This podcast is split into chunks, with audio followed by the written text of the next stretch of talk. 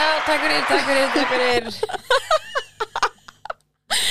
Halló. Verið velkominar í undirmannar podcast áttin Nei, alveg nú verður að fara að segja með FM uh, Já, við hefum talað um það mjög oft. Þetta er alveg út á sett, sko. Já, já, já. Sem er samt magnað, ég eiginlega þóli gröttina mína. Aha. Já, svona semi. Ef ég til mér sér að taka upp Snapchat eða eitthvað þá er ég rosa fljóta svona Já, ég tengi við það Veist, ef það heyrist í mér, ef ég er að narrita eitthvað sem er að gerast á snappinu, þú veist, lýsa tvíburónum og whatever, skilju.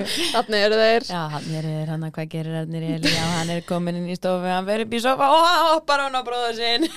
Nei, þú ert líka að fara að segja með þetta sport Ég var enda frábær í því. Já, það verður geggja Einar er bara svo lélega nöfn.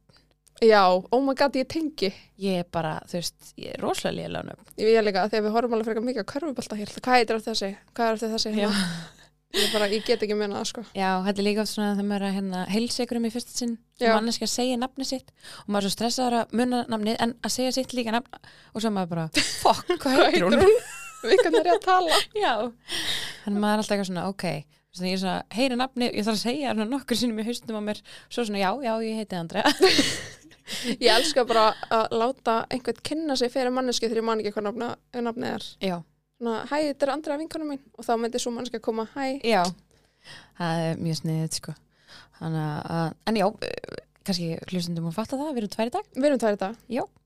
Og hérna, það er mikið, mikið að gera hjá lagfræðingum okkar. Já, heldur betur. að, að þá bara mæti við enga, ég mætti bara, þú veist, við erum reynskilar við okkar, Já. en ég er bara löðrandi sveitt. Þú varst ekkert smá sveitt hérna. Já, ég hérna Það er líka frekar vandlegt.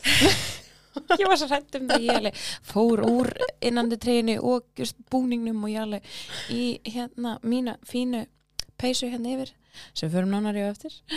Og hérna, og kominga hann ég væri nú ekki alveg bara með harping sem þá í treyjunni, sko. Það er engin lykt sko. Nei, það, ég finn hana vissulega. En já, ég var að koma af handballtæðingu þannig að hérna Hvernig var? Í- Já, ég, þú veist, það er, þetta er svo sem ekki leyndamál lengur en ég komin í nýtt lið. Woo! smá upp eitthvað sem var ekkert að beint planið.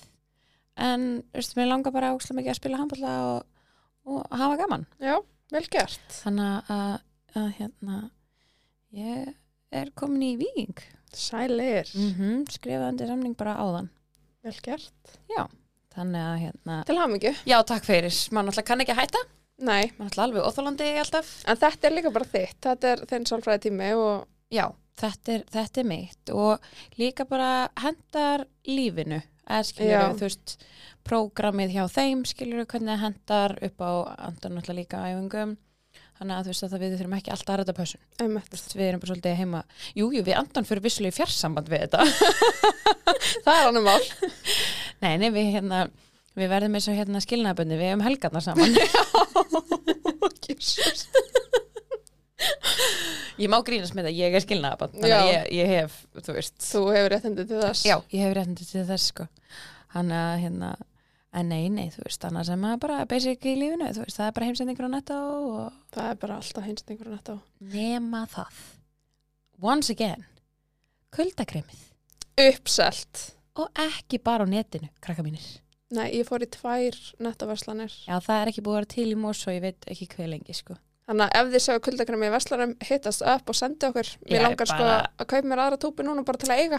Já, sko, eh, ég segi bara uppóð, Já, bara fólk getur grætt á þessu. Þið sem að náðu kuldakremi síðustu helgi. You lucky bastards. Þið, þið getið selt á upp á það núna sko. Og Já. líka rakakremið Intense rakakremið. Já, Það, var ekki í bara- verslunum heldur Þetta er náttúrulega okkar uppáhalsvörur frá Anglamark, þetta tvent. Við bara getum ekki sagt nóg mikið frá því hvað við elskum þetta. Að þetta er bara það sem við erum alltaf með í okkar topp 100 vörur Já, sem ég bæði mesta snildin í appinu. nei, svo þægilegt að því ég er svo ógísla léleg í ákveða hvað ég á að kaupa Já, komum bara alltaf það sama. bara topp 100 vörurnar í samkaupaapinu og bara allt í körfu Já, og það bara er allt þannig til staðar, þarf ekki að fara að leita alls staðar okkar, þú veist. Þú veist bara nákvæmlega hvað þú þarft fyrir heimilið. Blegjur, bleiturkur frá Anglamark Já. Svo Eh, bara, þetta klassiska, já. ég er að vinna mikið með poppið, sko. Já, herði ég líka það. og svona minn, sko, ég er búin að vera með veikt barn núna, eða veik börn Já, já, þú veist bara, þú veist, don't get a start þarna sko. þú veist, stelpunar ekki búin að, búin að vera í viku í leikskólanum veikar, svo mætti þær, þá var strákurinn veikur og hann er sko algjör popfíkil þannig að hann er búin að vera að byggja endalist um anglamark pop Æ, og kósi kvöld mm. Og fær hann, hérna, er hann búin að prófa hann að lemonade anglamarkið? já, ekki það er alveg gott Við erum alltaf sko, ég ætla ekki að segja hversu mörgum við slátrum hann á jóladinernum hjá Netto. við alltaf lágum í þessu sko. nei, ég er húgt sko Það fóru heilu flöskunar.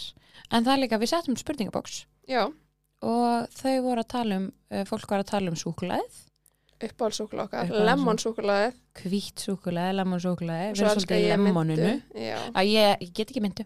nei, það er mjög skriða Já, ég veit, ég veit að, ég, þarna við ekki nýja þessi að það eru mjög margir nefnilega sem elska, en þá hlýtur að vera ég sem er skrítin. Þannig að hérna, að, veist, bara samkaupapið, þú veist, anglamarkvörunar og líka, þú veist, að þú ert ekki viss hvað þú vilt frá anglamark, bara ferði í leit, eða, þú veist, Mhm. skrifa anglamark, farði bara allt Nei, upp. ég elska það, því ég leita svo mikið eftir anglamark vörum þegar ég Já. vesla og Kristó er ofta að gera grína með bara, eitthvað, "Ó, bara allt anglamark sem kom heim, ég bara, þetta er uppáhaldsmerkið mitt. Já, Þannig ég skrifa bara anglamark og svo bara set ég bara, með vanta þetta, með vanta þetta. Já, bara mjög þægild að leita í appinu. og Þannig að svo bara, náttúrulega 2% einnig tilbaka. Þú veist, bara, halló, Free money. Bara mæli, mæli eindreið með. Ó, þetta var svona fullarsvart fyrir mig. Mjög fyllarslegt fyrir þig. Já, en eh, talandi um svona mat og eitthvað. Ég get á fyrstli sagt að ég held þessi orðin mæka í sjúklingur. Já, velkomin í hópin já, bara takk. Vissulega fekk maður sér þetta eitthvað svona annað slæðið en núna er ég bara þú veist, ég er bara að þakka fyrir Anton Ævi í Kópói ég er alltaf bara, hans býðans er mjög reglulega skilabóð þegar hann er búin að einhver bara kiftu með þér einni skál kúturinn menn Snær með grískri snær með, grí- ég fekk mér samt spar í skál um helgina sko. Nú, hvað fyrst þér? ég fekk mér snær með grískri sko. en það var aðeins auka af smá svona kvítisúkula og karmálusúkula og eitthvað svona ofan á og ég slefti þú veist döðlunum í staðin Já, já, hann að hérna að það já, þetta var svona eins og þú veist ágætt þetta til tölum, þú veist, það er þetta svona fá sér alveg vel hotlaskál en svo getur líka alveg liftir aðeins. Aðeins að trýta sig. Já, þetta var geðveik Ég skál dyrka það sko. Geta valið mér bara svona eins og mánudöfum þá er ég ofta eitthvað svona að ég var bara holdt í vikunni. Og þá er ég að fá mér döðlur og neytismér og eitthvað. Já, svo um helgar það bara hvít súkulaði og mega næs sko. Það er svo geðvægt að geta hvað getur við sagt, dressa þetta upp og niður? Já, en herri, svo er búið að opna nýjan stað. Heldur betur, háskóla nemar í háskóla Íslands. Háma, ef að fara í háskólanum ángríns, ég er kortur í það sko geðveikt, hanga hana, þú veist, á torkinu hvað heitir þetta aftur? Ég manna ekki, ég var aldrei hái Ég var hann að sko, ég man bara ekki hvað þetta er. En þú veist, það veit allir hvar háma er. Já, 100% Bara fá sér skál. Heila fóður, eins og Áki sagði, þið verður eiginlega að sjá rílið Ú, já, þetta var mjög gott ríl. Þetta var mjög gott reel. Gefum sjátt á, á áka fyrir gott ríl. Mæka í Instagram Já, hann að hérna, bara háskólinemar, kikið í hámu og, og hámið ykkur eina mækæskál. Það var geggjað En í hverju ertu? Herði, þess að ég talaði með hann, þannig að var ég á æfingu. Hann er þetta, hérna, hoppa uh, úr öllu þessu svona helstu svita, hann að þetta verið frekar dörti að mæta hérna. En ég er í nýju droppinera, þau droppuðu þess að nýju síðasta fimmtudag. Þetta var svo flott og er svo flott Ég var mætt næstu því á hurðina klukkan 11. Ok, ég ætla samt að koma með ástæðu. Akkur ég á mætt á hurðina hjá M-Fitness, deginum eftir í launchhúsi. Ég var að leiðan æfingu klukkan 12 Já, og þau opnaði 11. Þannig að þú veist að ég var komin hann að rúmlega 11. Til þess að ná mér í Jane, Jane peysuna. Þetta er sko, ó, þetta er svo mikið drauma peysa ég vildi smá hún myndi heita bara Jana En ég er sérst í þessari peysu og hún er græn. Mér langar svo í brúnu Já, þú verður að fara að næla þær í brúnu. Ég er að fara bara beint. Öllum líkindu fær eitt í sér líka brúna. Eh, þannig að ég, ég á græna marka eins og aldrei í þessu. En líka bara, þú veist, hvað hún er næs. Hún er ekkert eðlilega næs Og ég Þetta er elska svona- fullkomin svona sip svona Já, peysa svona hálfrend. Og ég get stjórnað mittinu, þú veist, með bandi. einmitt. Haft hana annarkvort alveg svona kropt og tætt eða bara löftinni svona hanga niður. Það er svona svipað á peysan sem ég er í núna Það er Mhm. Erial, ég er í Erial gallanum Ég Já, elska að vera svona matching. Ég er vissulega ekki, þú miður ekki í neinu buksum eða þú veist, jú. Ok, jú, ég er í buks Bilast. Ég er í buksum sem ég var í á æfingu sem að ég tíma ekki að fá hartbuksi í, M-fitness buksuna mínar. Nei, ég skil það bara mjög vel. En Ariel Gallen, hann lónsaði um daginn Mm -hmm. og hann kemur ekki eftir. Nei, hann er terrillt kósi. Og þetta er svo næs efni. Ég var einmitt að káfaður hérna áðan og var Já. að pæla í buksunum. Eins og eðlætt og það er. Þetta er svona perfect uh, joggingalli fyrir mig. Já, ég er hendur bara- mér í þetta bara alltaf eftir vinnu. Hann er fullkominn, sko. Það er líka, þú veist, mér finnst óslega töff, þú ert í boots við hann. Já, svona aðeins að poppið upp, sko. Já, en svo líka bara, náttúrulega eins og við höfum margátt talað fyrir hvíti streyjaskór og þetta í sumar. Uh, Geðveikt 100p. lúk, sko. Og líka, þú gæti til dæmis verið í Jane peysunni sem ég er í, við þessar buksur. 100%. Af því þær eru svo, hlutleysar þannig séð. Það er líka svo mikið hægt að mixa og mattsa fötunum annars, sko. Já, bara fallegustu hverstasfötin eru þarna og bestu ægfötin. Það var einmitt líka í þessu nýja droppi að koma nýjar svona símlegsbuksur að framann. Já. Það er ekki með camel toe. Það er þetta Simona. Simona, það er cool. Og Ellen toppur sem er í stíl við buksunar. Hann er ógeðsla flottur. Hann er líka svona síður eða skilur. Hann er ekki, hann stoppar ekki. Hann tekur svona svolítið hann að uh, ákveðna Hanna, húð og já. fytið sem er neðar en alltaf hann. En svo er maður samt svona smá svona, ú, Já, svona gælulegur. að því að mér er líka svo gaman og töff að vera í stíl þú veist, buxur ég elska allt sem er matching. já, við erum svolítið fyrir mattsingið sko. Já. Þannig að bara endilega kíkja annarkortin mfitness.is eða fari í fallegu vestlunina Já, stórhauða. já, Eða Akureyri, þau eru náttúrulega með Já. vestan á Akureyri. gleymist maður er að fara í hana þegar maður fyrir Akureyri Já, við þurfum að fara hópferð. já, það verður undirmannar pop-up ok, pss, ætlum að, að skoða þetta En við erum að fá til okkar gest. já, við erum að fara til, að fá til okkar móður Tvíbaramömmu, já, hún heitir Eirún Telma og sagan hennar er eiginlega mögnuð. það er uh, bara ég er mjög spennt Já, Ég, hérna, ég veit ég ekki neitt. nei, ég hef svona aðeins síða svona eitthvað Instagram og svo les, Já. en ég veit svo sem ekki mikið þannig að ég er mjög spennt að heyra sögun hennar. Já, hún ætlar að koma til okkar og bara deila öllu. Þetta er must listen. Let's go.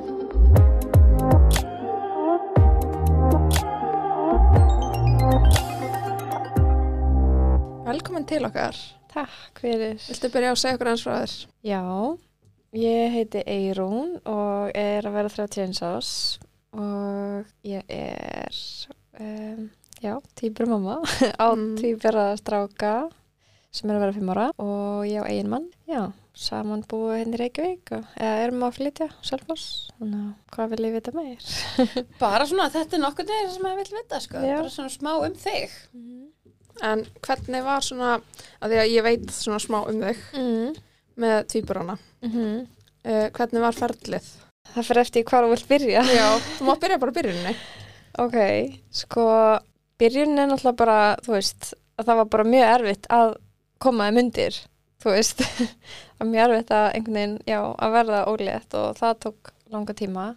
Já, við erum bara heppin í glasafrjókun, eitthvað sem hafa búið að segja við okkur að myndi taka marga tilurinnir og, og hérna sem að hefnaðist í fyrsta einhverju þetta vegna. Vá, Ok. og hérna heima eða? Já, Ok, geggjað. Já, við vorum einhvern veginn alveg búin að gera plan, sko, bara ok, við, við reynum hérna þrísvar heima, ef það gengur ekki þá fyrir við út og vorum alveg bara búin að plana langt, sko, fram í tíman. Já. Líka kannski smá svona eitthvað væntingastjórnun. Svona, Já. Það er ekki vist að þetta hefnist í fyrsta. Já, og ég held að það hafi einhvern veginn, þó sem ég fannst mjög mikið sjokk að læknið sagði mig á þeim tíma bara, veist, þetta mun taka marga tilurinnir, þú veist, bara búið undir það, þetta verður dýrt og þetta, þú veist, þetta mun taka á og ég eitthvað svona, ok, fannst það ekki eitthvað mikið sjokk þá, en eftir á einhvern veginn var ég held ég þakklátt af því að þá gati farið inn í þetta með eða engar væntingar, Já, þú veist, þannig að hérna, en já, við vorum bara óksla heppin og uh, fengum týpur að, þú veist, samt bara með eitt egg sett upp, sko. já, það eru einegja. Já.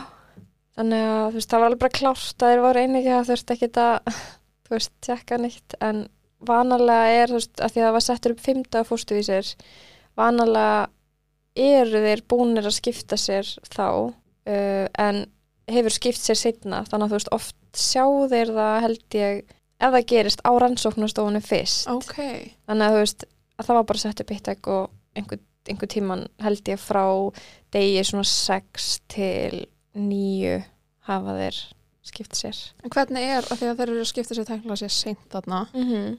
eru þeir samt eins og einegja á meðgöngunni? Sest, með sömu fylgju og svo leis Já. ok, sömu fylgju en sikkot belgin Já. bara mjög þunn belgiskil ok þannig að já, við náttúrulega bara komst ekkert að því að, að við þeir væri tveir fyrir en að við fórum í snemsonar þú veist hjá lífi og skilur já, þannig hérna Hvernig var það? Það var sjokk. Af því að sko óksla fyndið að ég, ég vil eiginlega meina að hérna að Rúnar maður minn hafi dóltið manifestað þetta út af því að þegar við fórum í fyrsta viðtali hjá þeim þá segir hann eitthvað svona við læknin bara, æ, getur ekki bara getur við ekki bara sett upp tvög og bara fengið týpura og bara klára þetta á einu bretti? Í alvöru Já, og hún eitthvað, nei það má ekki eitthvað svona reglurnar er ekki þannig lengur hér á Íslandi og þú veist stundum er gera undatekningar, setja tvög ef að þú veist konan er bara komin á aldur og þú veist og bara er að detta úr batnegn og eitthvað svona, af því þú veist þetta getur náttúrulega mikil, mikil áhætta að setja upp tvög, þú veist hvað ef að bæði skipta sér skiljið mig þannig að ég eitthvað svona, oh, ok, þá var það að fara út á borðinu. En svo einhvern veginn í snemsónarnum, við erum alltaf búin að pissa próf, við sem við værum ólétt og bara eitthvað gett hamingsum og eitthvað svona loksins tókst það og svo bara í snemsónarnum þá sá ég, þetta er svo stygt moment, ég sá bara, þú veist, á skjánum hérna, bara svona skoppandi hérslott og, og ég alveg bara, yes, þú veist, eitthvað, má ég heyra, má ég heyra? Og hún alveg já, býta aðeins. Og var svona ótrúlega skrítin við mig, veist, og ég alveg ætli tæki sér bila og fór alveg bara svona að hugsa að það er eitthvað að eða Já. þú veist, er tæki bila, þú veist, það heyrist ekki neitt og svo hún alveg svona mjög vandrarlega og bara please ekki skamma mig og ég alveg, ha, hvað? Hún bara, það eru tveir hjarslættir bara, það eru tvö börnana og bara ég skil ekki af hverju bara, já, ég alveg, ha þú veist, Rúna bara grýpur utan um andlitið og bara svona fer bara eitthvað panik og bara er stjarfur og meðan ég er bara svona hlæ úr einhverju gæsværingu eitthvað svona, að, vissi ekki hvort ég átt að hlæða að gráta. Svo var, já, þetta var bara þetta var mjög En uh, steikt sko. kent honum eftir þannig sjum Hann setti þetta, hann setti þetta nú algjörlega, já, Hann var búinn að setja þetta. Já, ég vil menna það sko. Hann fekk hann sem hann vildi. Já. Bróður í sig hátt. Mm ógæslega fyndi og ég er líka einhvern veginn veist, ég veit ekki þetta er náttúrulega bara svona algjör tilviljun, en ég alltaf sem krakki þú veist, alltaf ef ég var að spuru bara hvað ætlar að verða úr stór, bara ég ætla, ég ætla að vera mamma og ég ætla ekki að tvíbura, aha, ógisla steikt ég var bara, ég Magnað, sko. ætla að eiga tvíbura því ég er hann stór og það á að vera stelp og strákur og þau ætla að heita Alexandra og Alexander ég var bara búin að setja upp Já. þetta minnstur þegar ég var lítil og bara eitthvað svona náttúrulega bara var það lítil unga ég vissi bara það, þú veist, ég var bara ekki með þú veist, þroskan ég að vita að það var ekki hægt að plana þetta skilur. En já, þetta ég hef eitthvað verið búin að undirbúa mig fyrir þetta. Já, þetta var auglastlega komið hann út Bæðið þú þá og hann. Einmitt, þetta er alveg magnað sko. En hvað Já. tók svo við hjá okkur? uh, bara mikil veikindi í byrjun á meðgöngunni.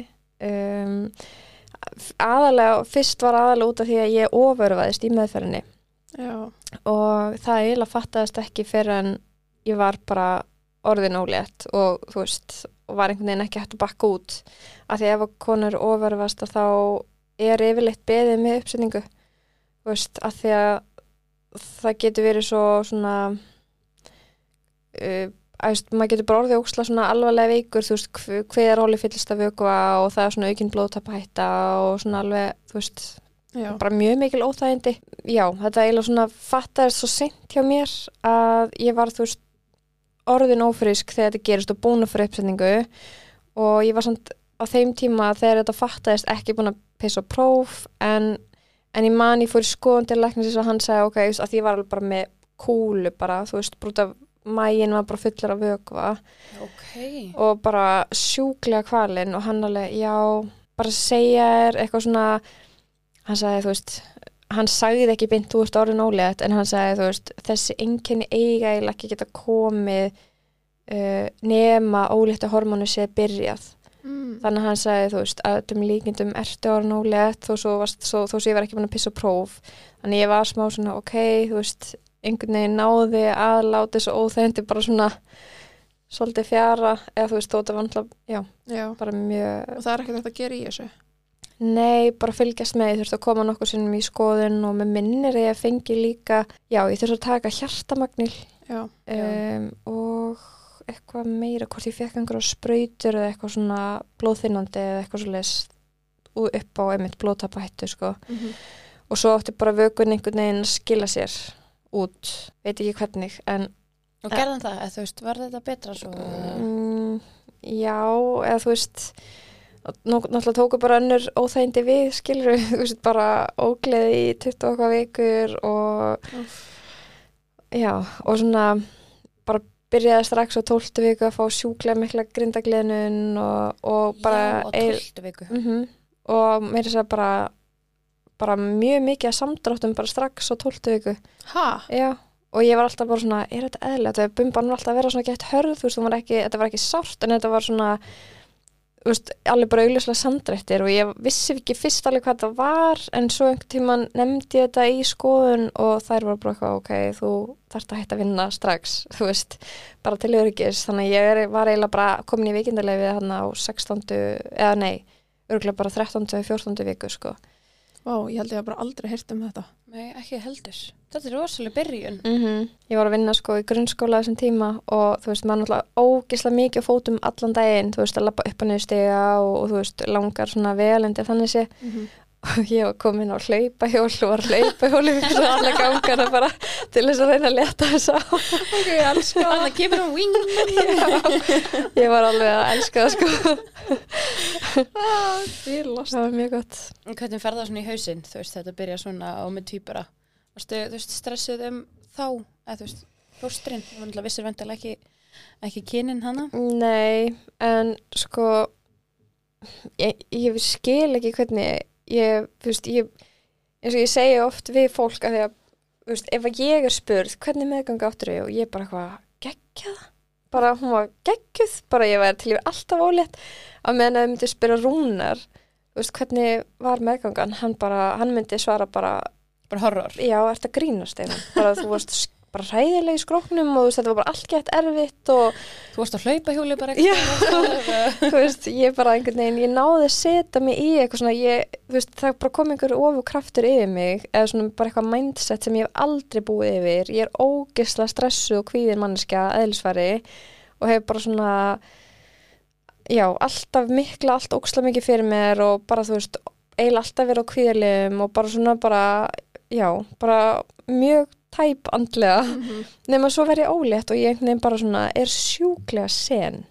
Er hvað bara- ég einhvern veginn bara svona ákvað ok, ég ætla ekki að láta mína andlegu líðan eða eitthvað svona hafa einhver auka áhrif, bara nei þú veist, Mhm. það er ekki bóði núna og einhvern veginn bara svona náði að halda mér ótrúlega svona bara jákæðri og þú veist, mér fannst einhvern veginn, mér fannst ég bara líta svo vel út og mér bara leið einhvern veginn bara vel með sjálfa mig þó svo að ég var þetta bara ekki góð í skroknum, þú veist, bara mikið verkið og eitthvað svona, en, en mér leiði samt bara vel og ég var líka bara svo glöð að vera laus í blæðingar og eitthvað, ég var bara eitthvað þannig að þú veist, já, þetta var já, mér leiði bara vel Mér finnst þannig þetta séð. svo frábært hugafar eitthvað. Ekkert smá, sko. Það væri svo auðvelt að dett í fóstustællinguna og Mhm. vorkina sér og bara eitthvað ætla að vera í ykkur bublu og en þú Já. veist augljóslega ekki. Nei, ég veit ekki hvað kom yfir mig en ég bara einhvern veginn ég veit ekki, já, hvernig ég fór að þessu. En svo er þetta líka smá svona, þú veist, maður hefur ekkert val annað en að bara Já, þrauka, Mhm. skilur þú ætlar að koma sem börnum í heiminn og sama hvernig það er þér, sko. Já, algjörlega og ég líka einhvern veginn bara ég man að var ein sem átti að eiga svipum tíma og ég sem að hérna var með mér í svona týpura mömmu hóp og hérna hún er mitt sko það var að fara að leka vatn hjá henni á sko 17. viku eða eitthvað og hún þurfti bara að vera rúmlegjandi bara í sko einhverja mánuði Shit. Já, Oh og ég var bara ok, þú veist bara, einmitt var einhvern veginn að sjá hvað margir voru að díla við ógeðslega mikið erfileikum og ég einhvern veginn bara svona ok, þú veist bara, ég er þakklátt allavega fyrir að geta já, bara komist á milli staða og verið á fótum og eitthvað svona, Einmitt. þú veist, svona þannig séð veist, já Magnað, sko. En fáið þið að vita svo kynið? Já, við vorum sko búin að panta okkur að því að þetta lendi akkurat, sko, við ætlum að fá að vita fyrr, við ætlum að fá að vita hann eitthvað í kringum 17. viku og fara í hérna, hvað heitir það aftur? Nýju mánu. Já, nýmáni, vorum búin að bóka tíma og allt. Nefna svo hitti þetta akkurat milli jól og nýjárs, þessi tími. Og við vorum búin að fá einn tíma hann að milli jól og nýjárs og það var eitthvað svona kringum 17 vikur. Og svo uh, áttu við tíma í Vakstasona nýr á spítala hérna 16. á 16. viku. Og, og ég segi eitthvað við hann og svona, ef þú sérð, þú veist, hvort kynið þetta er, þú veist, viltu þó setja miða í fyrir okkur í umslag þú veist, ég sagði, þú veist, alltaf leiði og sér ekki þú veist, bara, en, en mér langar að vita hvort þú sjáu svona snemma því að annars ætlum við að fara þannig í nýju mánuði og hún bara, já, já, já, það fyrir ekkert að milli mála hvort þetta er, bara ég sé það alveg og ég alveg, ó, ok. Þannig að ég, hérna, og ég eiginlega, veist, að því ég var búin að fara svo oft í sónar einhvern veginn að ég einhvern veginn sá það sjálf. Já. ég sá bara pung, þú veist og ég var bara, ok, ég held ég viti ég var alveg svona með mjög sterkan grun einhvern veginn bara svona út frá sónarnum, þannig eitthvað svona, ok já, var svona vissi þetta eiginlega alveg, en svo kíktu við, við gátum ekki beðið, við ætlum að þú veist, vera með svona sprengjablöður og eitthvað. Við gerum þetta hann á milli jólni og svo ætlum að leifa ömmunum að sprengja. Já. gerðum það en við kíktum sjálf í Já, sagt, já, og að því ég man svo einhver tíman að því að við settum eitthvað vídeo á Instagram og það voru einhverju sem sög, sögðu við mig bara eitthvað akkur voru þið ekki glöð þegar þið þegar þið sprengdi blöðunar ég alveg, hvað, nei, þú veist bara kannski ég glemt að fylgja sögunu, við vissum þetta þú veist, Það er akkur að hoppað enginn. já að menn allir hinn voru bara eitthvað, þú veist, og við alveg, yey Þannig að þau vissi ekki þið væri búin að kíkja. nei það voru allir bara eitthvað, já, það var svolítið hundi Oh my god, sko. Og varstu með eitthvað grunn? Eða þú veist, var, varstu búin að gíska sjálf? Hvað? Já, ég var einhvern veginn með mjög sterka tilfinning allan tíman, það væri strákar sko. Já. Það Og var hafði svo rétt fyrir þér? Já. Og hvernig gengur þarna meðgangan? Þú veist, með að við byrjununa, skröldlega, Mm þú veist, hætta, veistu, þú veist, það er bara að mátt ekki vinna. Nei, mátti ekki vinna um, og var náttúrulega bara nánast rúmliggjandi af ógleði bara, þú veist, til 20 og 21. viku. Sko, ég var ekki ælandi sem betur fyrr, en mér var konstantli óglætt. Já, ég var svona, þetta er Ég bara... held að það sé eiginlega verra. Já, Ég er að segja það, ég held það nefnilega að sé verra. er Ég mörgu væri stundum frekar til ég að bara geta ælt og losna við þessi tilfinningu í smá stund, fengið Já. þennan þetta breyk, Mhm. en ég bara fekk ekkert breyk.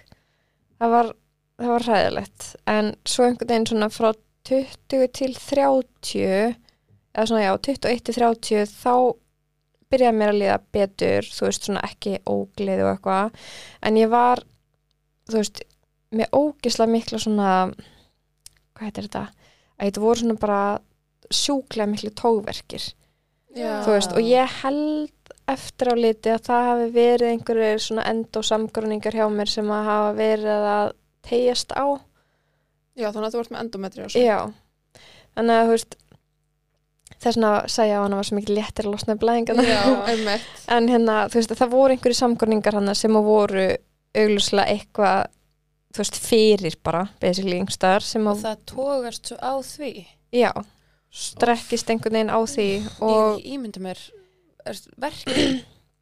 Já, þetta var mjög óþægild og ég, svona, ég þurfti alveg tvís og sinnum held ég á bara á þessu tíu veiknum tímpili að fara upp og deil, tringdi bara í paniki bara, þú veist, ég, ég er að kálast úr verkum. Og þú veist, og þegar ég var svona mikið verkuð þá, þú veist, byrjaði ég að fá samdrætti. Að mér fá svo erfitt að að því ég hef náttúrulega aldrei verið ólétt á þér. Og þú veist, Nei, ég var bara eitthvað. Nei og ég var líka svona smá stressuð. Ef ég var að byrja að fá samdrætti og einhvern veginn var með verki þá, þá var ég svo stressuð þú veist, er eitthvað að gerast sem ég veit ekki af veist, þannig ég var frekar alltaf bara ok, ég ætla að fara upp á deild og láta kíkja á mig og fá frekar að vita bara það er allt í góðu, fara bara alltaf heim skilur Já, 100%. þannig að ég var einhvern veginn svona þú veist, já, vildi frekar bara fara Já. eða ringja þú veist, og bara láta skoða mig af því að maður er í líka áhættu meðgangu Þú ert nýra og það ekki bara landspítala í maðuravend. Það er líka bara allt annað standard þegar maður er með tvíbara.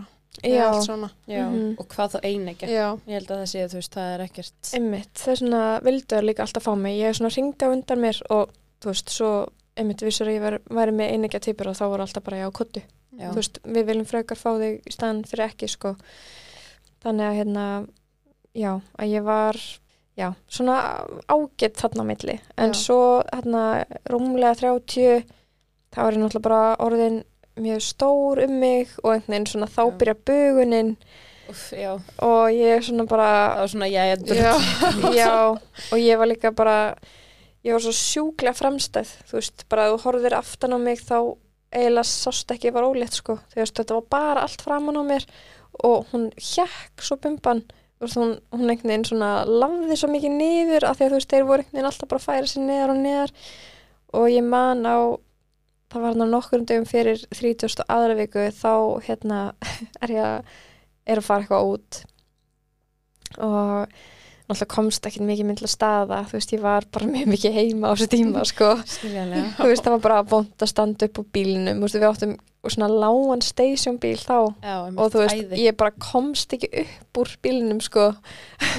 Og hérna uh, já, var sérst að leiðinu út uh, er að skella hurðinni við byggum í svona pínu lítill kjallari í búið þessum tímbili, þetta var bara svona millibils ástand og hérna uh, skelli hurðinu, ríf hurðarúnin af og dett aftur fyrir mig. Nei. Jú. Og hérna bara eitthvað sitt og alltaf bara var alveg stressuð eftir þetta og ég hugsaði bara nei, þú veist, það potið eftir að gerast eitthvað núna. Eða þú veist, bara var ég að skemmi eitthvað? Eða eitthvað, þú veist og svo er mitt bara, fæ ég mikið að samdráttum og eitthvað svona og ég eitthvað ringi á deild og það er eitthvað svona ok, við viljum fá þig, þá var ég fann næsta á viku 32 ha, Ó. Já, og ég vissi ekki. Ég, þú veist, veginn Og það var ekki eitthvað byltan sem bara leta allt fara á stað? Bara, Jú, ég held að það hafi haft áhrif að ég hefa dotti sko að því ég beigði alveg í smá tíma og svo einhvern veginn voru samdrættinir ekki að fara. Þannig að þess vegna fór ég upp yfir og hérna hún sest, skoðaði mig og sagði og stóð líka bara að senda mig í reit og svona og það var bara mjög augljóst að ég var farin að stað. En einhvern veginn veist, ég var ekkert verkuð eða neitt þannig, þú veist, jú, ég var alveg auðum eftir fallið en ekkert eitthvað svona ekki svona hríðarverkir Nei, mér leiði ekki eins og ég væri farin að stað. Mhm. þannig að ég fekk svona dripp og sprautu og þú veist þannig fyrir lungun og þetta já, í þeim og svo bara vonast til að að hérna að ég myndi bara stoppa skilur þannig að þurfti held ég líka inn í einhverja tvo sóra ringa eða eitthvað uh, og náðust að stoppa mig sem betur fyrr. Já. Þannig að hérna að eftir þetta þá voru það reyðilega bara ok uh, það væri best og gæti verið bara nánast í rúmlegu í þú veist, til að reyna að halda minni sem lengst í viðbót, þú það er bara rúmið, sófinn, klósti Já, bara annað. ekkert annað. Og ég hérna í þennan mánuð bara bjó í baðkarinu heima. Ég bara, ég átti heima þar ég bara var í baði allan sólringin það var eitthvað svona, það eina sem að einhvern veginn svona tók þess að spenna á bakin á mér og bara svona einhvern veginn, mér leið bara Létt best. bumbunni, já, já. það bara var allt svo létt eitthvað og næs. Það er magna hvað er gott að vera í vatni sko. ótrúlega gott. Þannig að ég er svona, já, síðustu fjóru vikunar voru svolítið þannig bara. Og mikið bara heima og, og ekki gera neitt. Og bara sofa og þú veist, kvíla mig og það komst og lítið fyrir. Það reyndar það manni að það var ógislega gott við á þessum tíma. Það var hann í byrjun mæ 2019 og það var sjúklega góður mæ það var bara 20 okkur stiga hiti og það var alveg bara ég man eftir þessu, ég var með Já. eins manna barni fæðingar alveg þarna. Já, þetta var ekki dæla næst þetta var ótrúlega góð mannur og ég mann mjög eftir þessu sumri að því ég er í fæðingaralegi árið hann á undan. Og það er rigninga sumarið mikla. Æ, sögum sumarið 2019 og það bara geðveikt. Ég var bara, mm, takk fyrir ekkert. Æ, já. En það svona hjálpaði mér líka mikið þú veist, að geta bara setið úti. Og ég lá líka bara úti á bekk þú veist, ég var ekkert að tana, ég var bara eitthvað þú veist, betra að liggja úti og fá frísloft í staðan fyrir eitthvað upp í rúmi. Já, 100% sko. Þannig að hérna, já svo bara, Svo fyrir allt stað eða hvað hva gerist Em, á, á amalisteginu sko já, ég er farin að stað en ég aftur veit það ekki og er bara leiðin í síðasta vakstasónarinn var það 36 vikur eða, 35 pluss 5 já, og er hann að komin upp á spítala og uh, þau eru, eru veist, bara eitthvað að mæla, vakstars, hérna, mæla það og eitthvað svona. Hvernig var að vera í sónar komin 35 pluss 5? Mjög erfitt. Er Það ekki? Jú, mjög erfitt. Bara, veist, ég var svo buguð, ég man, ég var eiginlega bara, þú veist, það mátti ekki horfa vittlust á mig og ég fór að gráta, sko. Þetta var mjög Já, erfitt. ég lít út eins og það láttu mig vera. og ég, það var einhvern veginn bara svona já, það var allt erfitt bara og ég einhvern veginn var svo tilbúin bara að bara fæða þá, ég bara please bara, just, ég, af því að mér leið bara einhvern veginn tilfinningin um maður var bara húðin er að ripna Án gríns. og þú veist, hún er bara glær á naflanum, hún er Já. bara að fara að opnast þetta var alveg þannig sko Já. og hérna ég var náttúrulega bara eins og körfubolti þú veist, ég var bara náttúrulega bara ekkert eðla slitinn og þú veist, ég var alveg bara já, að springa en hérna, svo er það að mæla mæla þá og þá kemur allt inn ljós að B-tvípuri var ógisla vakstaskertur Ok. já, Og ekki búið að koma í ljós. Nei, ekki í öllum 16 vakstasónunum sem að ég fór í undan, Hvernig getur það gerst? einmitt. Ég uh, Og ég menna hvað voru, ég veist, voru ekki tvær vikur á milli eða ein vika á milli eða Jú, eitthvað? tveggjögna fresti fór ég og stundum oftar ef ég var að fara upp á dild. Mhm. Þannig að, já, mér langar mjög mikið að vita hvernig gerist þetta. Mhm. Þú veist, jú, ég skil alveg að það eru rángar mælingar stundum og stundum en ekki 16 vikur í röð. Já. Mér finnst það mjög undarlegt. Hvernig hérna lágu þér í bumbunni? A var með, just, í höfustu Já. og B var sitjandi. Já, alveg eins og mínu voru.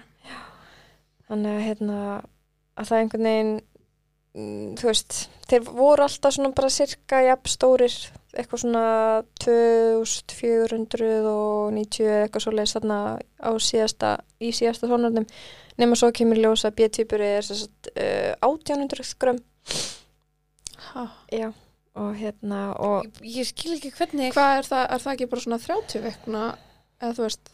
Jú. jú, ég held það sko og hérna, náttúrulega ef það er einingja tvíbura meðganga og svona gerist þá náttúrulega eru konur held ég oftast sendar út í Belgíu þar sem að er, þarf að brenna Mhm. þú veist, Mhm. naflastrengjana eða já. stæðina og ég held að ég þú veist, ef þetta hefði fattast á réttum tíma þá hefði ég örgulega verið send út Já.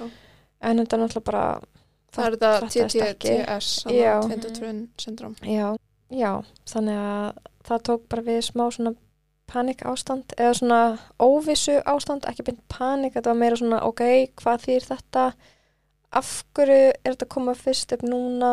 Og það er svona eitthvað, voru ekki vissar, þurfti að fá, þú veist, eh, annan sérfræðing inn til að skoða og eitthvað svona, svo vildu það senda mig upp í rít og ég bara einhvern veginn er bara einhverju móki í riti uppi, bara eitthvað grátandi, bara, þú veist, náttúrulega bara hef áhyggjur og er einhvern veginn bara svo mikið að fara í gegnum hausin á mér og líka bara þessi bugun, þú veist, ég var Mhm. bara, gæti ekki meir.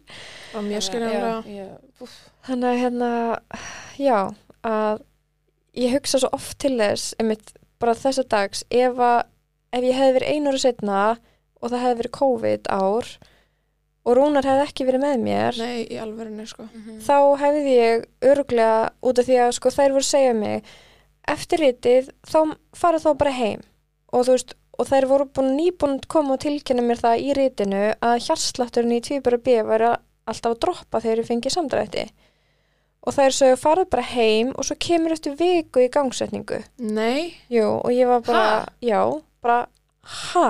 Þú veist, og það er svona hugsaði svo oft, ok, ef að Rúnar ekki er með mér, ég hef verið bara eitthvað, ok, Einmitt. bara einhverju móki og bara farið, út af því, þú veist, ég einhvern veginn bara treysti þeim, eða skilur maður er mig, líka bara kannski ekki með þegar alls er ekki. aðstæðum. Bara, af hverju ósköpunum ert að senda þig heim þegar að koma í ljós Mhm. að annar tvíburinn þinn er allt og léttur, eða þú veist, hann er bara ekki að fá næringu. Og hjarslátturinn að droppa, ég menn oftast er það bara eitthvað, herru, keisari núna. Já, einmitt, og það, einmitt, ég hefði haldið að það væri bara svona merki um að ég mætti alls ekki fara heim og þurfti að vera undir bara einmitt sterku eftirliti og, og einmitt bara mögulega bara keisari strax. En Rúnar var bara nei við förum ekki hérðan út þú veist, og ég er náttúrulega bara hann sá bara með að tala, ég bara gati ekki tala því ég var er bara svona sár og þessu. og Þú veist, það var bara svo mikið að fara gegnum hausna mér og hérna og veist, og hann var bara, hann sagði, hann var eiginlega bara að rífast við það, sko, og það leiðilegt, þú veist, en hann var bara, þú veist, Sorry, en hann var bara standið fyrir börnunum Já. sínum og þér 100% og ég bara þakka svo mikið fyrir það í dag og þú veist, ég vil, eða þú veist, ég oft hugsa út í það hvað ef að við hefum bara farið heim þú veist, Mhm. hvað hefur þá orðið um eldar, skilur við, Mhm. týpur að bíða þú veist, hefði hann bara ekki meikað þetta eða, eða þú veist hvað, við vitum ekki Líka býði viku. Bara, þetta var ekki eitthvað að koma aftur eftir tvo tíma. Nei, ég bara, ég Nei. skil ekki neitt, sko. Og, veistu, og hann var bara, nei, e, við förum ekki hann út. Þið bara, hérna, með hringja laurugluna og láta bera mig út, ég fer ekki hér út Fucking Þú vel veist, já, ég hefði aldrei þórað þessu, ég var náttúrulega bara eitthvað grenjandi þannig og hérna, svo já, er þetta uh, sem sagt, við förum eða ég man ekki hún svona þurfti að fara eitthvað fram hún var eitthvað svona, já, ég skil ykkur alveg og fór og tala um einhvern annan og, og var eitthvað svona, ok, við erum búin að finna lendingu í þessu. Við, við að því að aðal ástæðan var við áttum að koma eftir viku var bara því að þú deildið maður full eða eitthvað. En ég minna, það kemur mér ekki við. Oh ég er í áhættu meðgöngu og, og þú veist, hún eitthvað, ok, komið í fyrramáli farið heim núna og komið eftir morgun. Og hann var bara, nei, við erum ekki fara hérðan út. Þú veist, bara mér er slett sama þó að deildin sé full. Ég sef þá bara hérna á ganginum. Þú veist, við Mhm. sofum bara í sófanum frammi en við erum ekki fara. Sem bara já, bara gott að við gerðum ekki að því að svo, þú veist uh, bara stuttu setna þá hérna losnaði herbyggi á sengulegdildinni og ég fekk að fara þangað inn og ég var sko valla komin þangað inn þegar þær kalla í mig upp á fæðingadeild og hérna og þá losnaði annar tíbrherbyggi þar og ég fyrir beint þangað upp og held áfram með riti og þá sjá þær bara mjög skýrt bara ok, þú veist, hann er ekki að höndla þetta. Og það er eitthvað svona ok, við ætlum, að, við ætlum bara að skoða, þú veist, útvíkuna eitthvað því ég var komin að þessa stað og ég var, man ekki hvort ég var komin einhverja þrjá eða fjóri útvíkun og þú veist, bara, einmitt, án þess að vita að ég væri fann að stað Mhm. og hún eitthvað svona, ok, ég, ég kemst að belgnum, ég ætla bara að sprengja hann og sjá um hvort að, að þú veist, að þetta gangi bara hrætt fyrir sig og þá getur þú bara vonandi bara fætt á venjulega. Bara, En það og samt að reyna það Þrátt Já. fyrir að hann Já. er svona þreyttur og mm Og þú veist, pluss sitjandi. Já, einmitt. Og ég eitthvað svona bara eitthvað, ok, þú veist, bara mér er sama hvað þi- þið gerið, ég vil þá bara út núna, Mhm. þú veist, og bara eitthvað svona, ok, við reynum það og, og, og Rúnar eitthvað svona, að því að hún sagði við hann, veist, þegar, að því að þegar vorum komin upp á deil, þá hugsa, ok, við erum aðeins rólegri núna og hann var eitthvað svona, ok, fóru hjælt áfram með vinnudaginn sinn, fóru eitthvað að þjálfa. Svo ringdi ég hann bara, þú veist, ég man ekki klukkutíma setna bara eitthvað, herðu, þú verður að koma núna. Og þetta að þá sáu við bara, þú veist, hann var ekki þetta. Og hún sagði bara, veist, ég sagði bara við hann, það er búið plana keisara bara, bara núna, um leið og herbyggi losna, það er bara, það er verið að græja skurstofuna, bara þú verður að koma núna.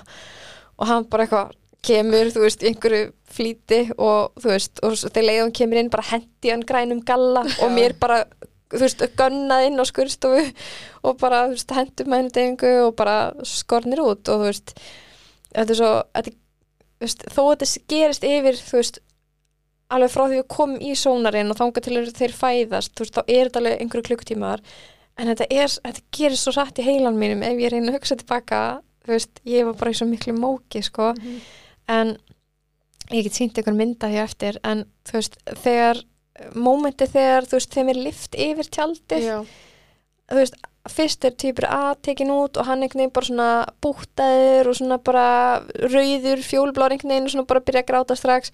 Svo liftaður eldar upp og hann er bara alveg fölur algjörlega líflaus, bara grætur ekki uh, og ég er bara eitthvað heyri Nei. í hinum gráta og ég er bara eitthvað oh my god, bara þú veist bara er allt í lægi með hann, þú veist og ég einhvern veginn, miða við hvað hann var slappur þarna, þá hugsa ég bara þú veist, Bara hvað hefði beðið hún til á morgun. já það hefði ekki held í einu sinni Hvað hefðu nást hefðu látið hann að fæða? Einmitt. já, þú veist ég bara það bara, ég er með svo margar ósvaraða spurningar sem ég er bara ennþá með í dag og þú veist, samt búin að þú veist, ég fór í ljáða mér eira og allt þetta og einhvern veginn samt fekk ekki svör við neinu Nei, það er meira bara svona verið að gefa þér einhver samkend og eitthvað. Já. veist, Já, engin svör Það er ekkert svona alveg prótokól gagvart læknamestökum, nei, þú veist, eða já, ég veit ekki hvort að maður er að segja læknamistökum en jú, vissulega Já, þú veist, eitthvað er hann að fara úr Já. skeis, það er augljóst. Já, og að- ekki bara þarna heldur þetta er svo mistök langt Já, ég aftur í segja,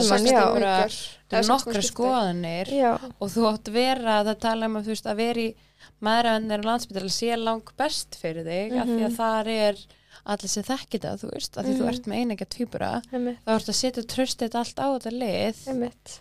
þú veist, og líka það, þú veist, að- viðkenningi þá bara, herðu, Já, við þurfum bara að skoða þetta, svona Já. var þetta, þetta voru mistökin, Mm þú veist, útskýrið eitthvað. bara óna místökin og bara við bætum verkverðlana Já, að því, þú veist, að því augljóslega eru mistök, Mhm. Já.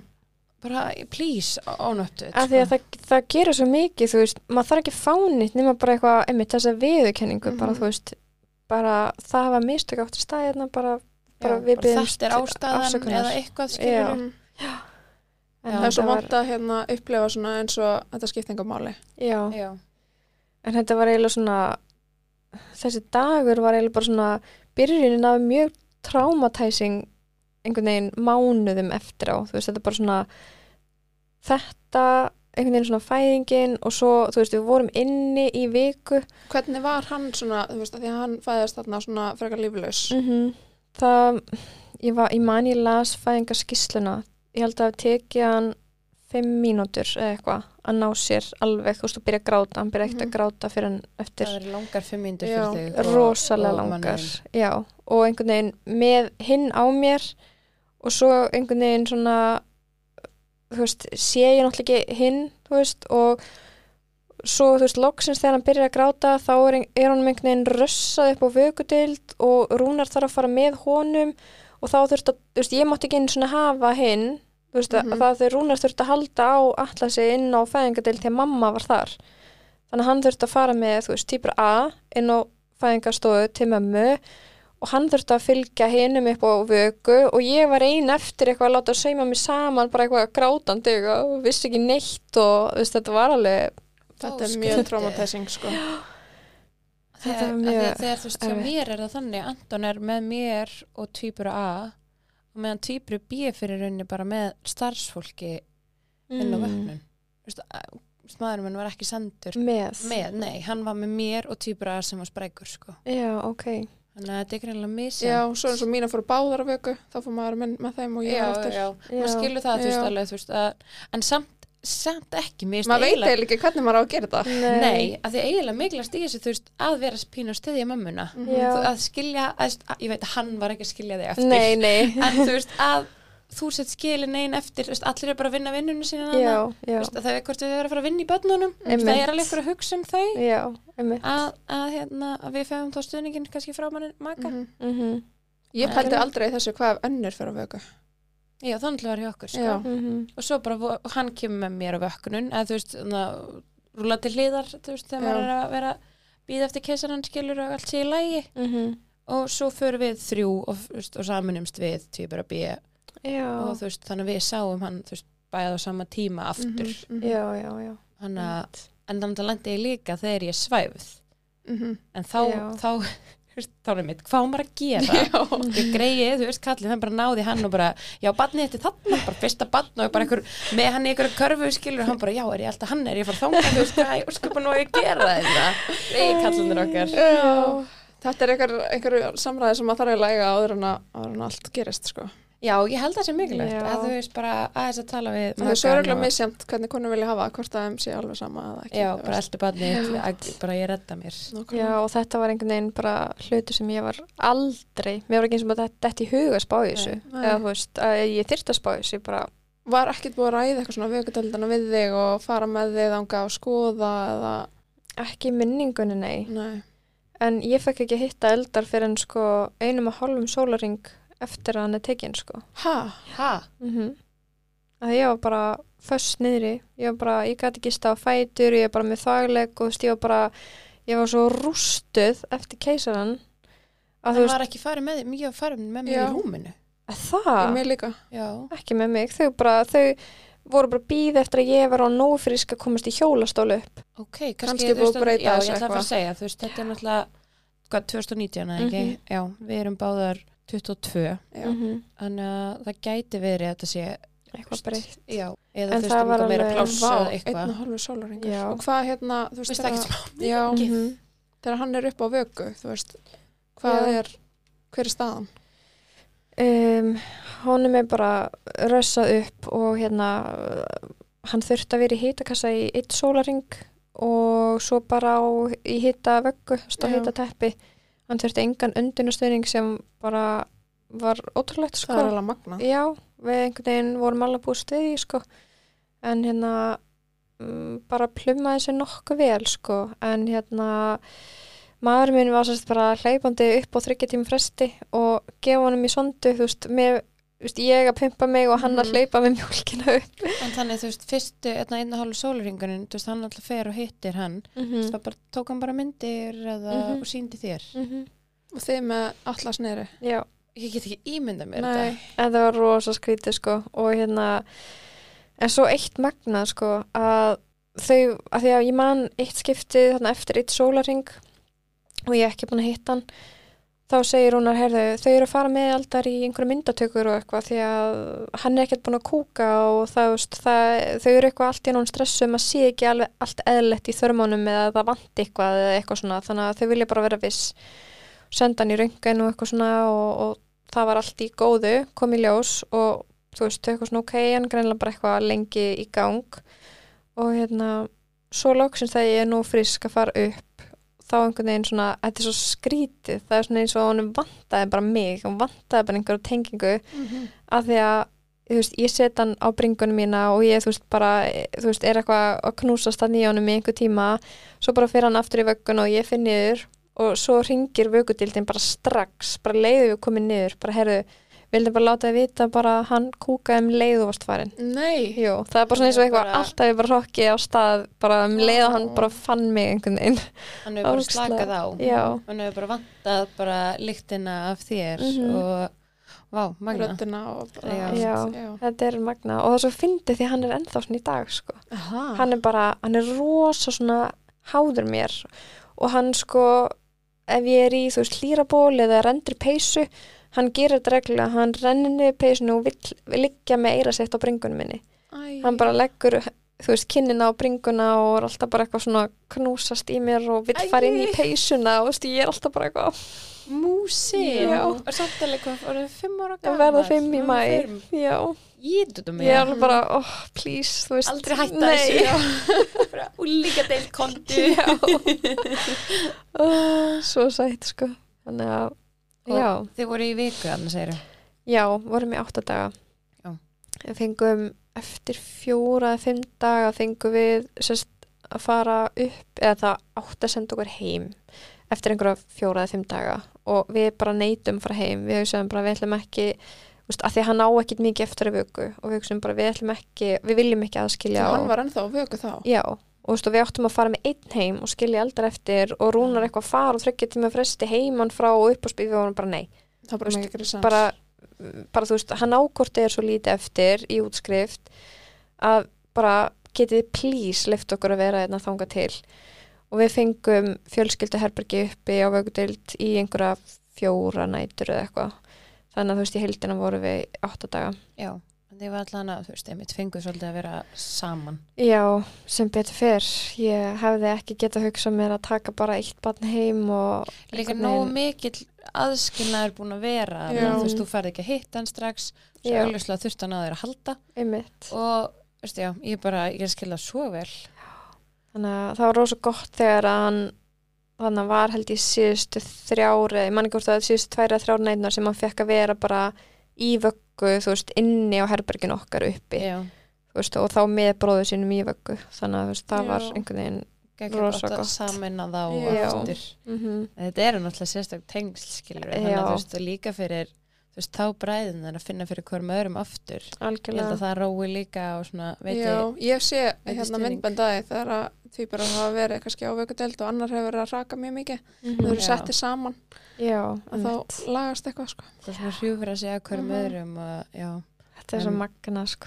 það er bara það er tengsl það, sko. sko. Mm En við erum í samstarfi Noise á Íslandi. við fengum svolítið skemmtilegan pakka í vikunni Mjög fallegan pakka. við fengum gefins frá Noise tvö tæki Já, vætnastæki til að fara með á leikskólan Já, þetta er þess nýja típan. Með þessu USB-C hlæðstæki sem að mér skeggja því að þá ertu bara með sama hlæðstæki að öllu Ég veit það, það munar svo mikið minna af, sn minga snúri skúfuna. ángríns það er svo næst og núna gildir afsláttakóðun okkar undir mannar með D 10% afsláttur af öllum vörum inn á vætnast.is Já, bara, ég veit að símin er nálægt ykkur, inn á vætnæs, kaupið ykkur fallegu vöruna þeirra og notið afsláttu kvæðan okkar. en hvað tekur svo við? næstu mánuðir. Árin. Manst ekkert kannski. sko, þetta er rosa mikið í móðu uh, en eins og ég segi á þann, þú veist, svona fyrstu mánuðinni voru rosalega traumatizing einhvern veginn um, en það var samt eiginlega bara, þú veist, út af minni hilsu, þú veist, mín veikindi sem ég lendi í eftir fæðingu, sko en hérna, ég veit ekki hvort ég vilja eitthvað fara út í það eða Jú, hvort ég á bara að tala um það bara- Bring it. Endilega, sko. En sko, ok, ég, þetta er sko rosalega löng saga, alveg mega löng, en ég skal reyna að gera hana frekar stutt. Við höfum nógan tíma. Tíma. Sko, Hérna, hvernig, hvernig veikindi voru þetta? um, sko, ég, þetta byrjaði á eitthvað svona saklösi síkingu í leginu, þú veist, ég fekk eitthvað svona smá, þau voru eitthvað fyrst efinn sem að hefði orðið einhver fylgjubiti eftir eða eitthvað svona uh, sem var ekki en þetta var bara einmitt einhver síking í leginu. Svo sagt eftir, eða tveim vikum eftir fæðingu fæ ég heftarlega brjóstasýngu þú veist og þarf að vera lögðinn aftur með þá báða og þú veist með mér og, og hérna síklarlifjaðið og allt þetta einhver á 2-3 sólringa uh, aftur tveim vikum eftir það fæ ég aftur heftarlega syngu í brjóstið og þetta er alltaf sama brjóstið. Og, Ok. og hérna það er eitthvað, þú veist, þeir náðu svo lítið að drekka sjálfur þú veist, þeir voru bæði bara ekki með rosalega, eða þú veist, þeir voru allir latir á brjóstinu og svo er ég bara með alveg innfallna gerfurtur, þannig að þú veist, þeir náðu svo lítið að haldi, Já. þú veist, og ég var að reyna allt, þú veist, að nota þess að blessu Mexiko hatta og allt þetta Elsku hattanir. Mhm. einmitt og var bara, þú veist öll í sárum og einhvern veginn reyna bara reyna og reyna og reyna að láta það hanga og það bara var að ganga mjög illa. Þannig að ég var einhvern veginn farin að pumpa mig bara. Þú veist við vorum að gefa mig pela. Allt gott að blessa um, nema svo bara er ég bara ekki að losna við þessar síkingar bara endalaus, bara síking eftir síking eftir síking um, uh, svo eiginlega það er sko þetta er eiginlega sex vikum eftir sérst fæðingu, þá fyrir við hann í sex vikna skoðun upp á helsugjæslu og hún gekk bara vel nema og svo er það eitthvað að spyrja hvernig mér líði og eitthvað svona og, og ég segi þessi bara hún ógisla þreytt á þessari síkingu og ég, ég, ég, ég segi bara, þú veist, ég finn ég er að fá síkingu aftur. Um, þú veist, er sens að ég geti fengið að hitta læknum en ég er hérna upp á að fá síklarlif og því ég finn ég, þarf síklarlif, þú veist, ég byrja að fá svona beinverki, ég er ekki komið hita en ég veit Veist að bara, þú veist, var búin að vera með þetta þrisa sinni máður og var bara, þú veist, ég vissi hvað stemdi og hérna, og það er bara já og ég fekk að tala við lækni og sem vildi minna ég veri alls ekki með síngu og hérna sagði ég væri með bara einhverja sveppasingu gerfistunum og ég bara, nei veist, ég er bara með sár og auðmar gerfistur eftir Mexikata og eitthvað, veist, þetta er ekki það, ég veit hvað þetta er. Og þú veist, það fór ekki til milli mála, það var bara það var bara nefi inn í brjóstinu á mér það var svo hart Ói, þetta svo vond. æxli sko og ég bara, þú veist, fyndu bara veist, og hérna nei, hann vildi nú alls ekki meina það þannig að ég fer heim og Var það kallmaður að? Jep.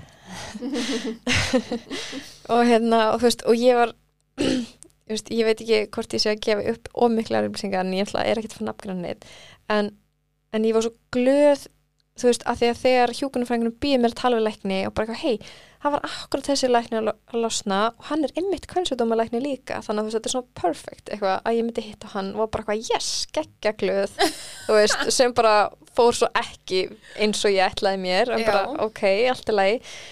Og fer heim, ég fekk ekki síklarlif fer heim og svo bara nokkrum klukktími setna er ég bara, þú veist, liggjandi á gólfinu heima bara í skjálta bara, þú veist, næ ekki að standa upp, ég er bara komið 40 okkur stið hitta Rúna náttúrulega farin í vinnuna.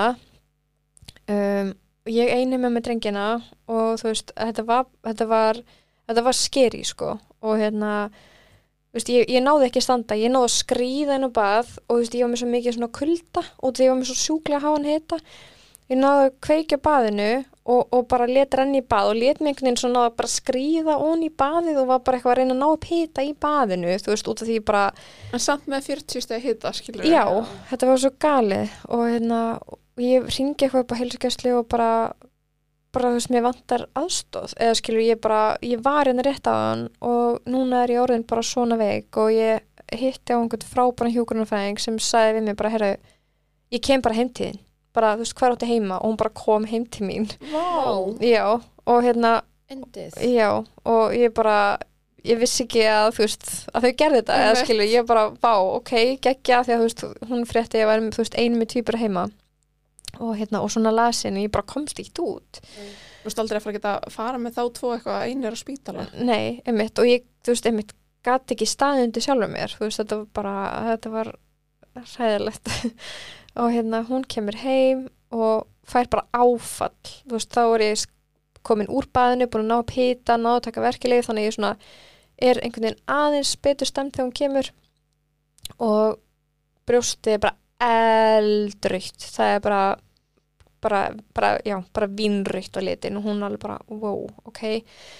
Bara þú þarf klárlega síklarlif um, hérna, og þú var bara svona eitthvað, einmitt skoða mig og bara svona eitthvað ráðleika mér og ég er náttúrulega búin að reyna allt, búin að fara í styrtu og nutta og, Já. og, þú veist, mjölka og allt þetta skilur og hérna það bara var ekkert og ég er náttúrulega einmitt búin að fá þetta svo ofta og það var bara ekkert búið að virka Líka Þannig að, þegar þú þetta er komið á þennan stað þá ertu ekki að fara að ná að mjölka í styrtu og laga þetta sko. Nei, Mér er svo illt í byrjastam. Sko. já, Mér langar bara svona að halda utan um þau og...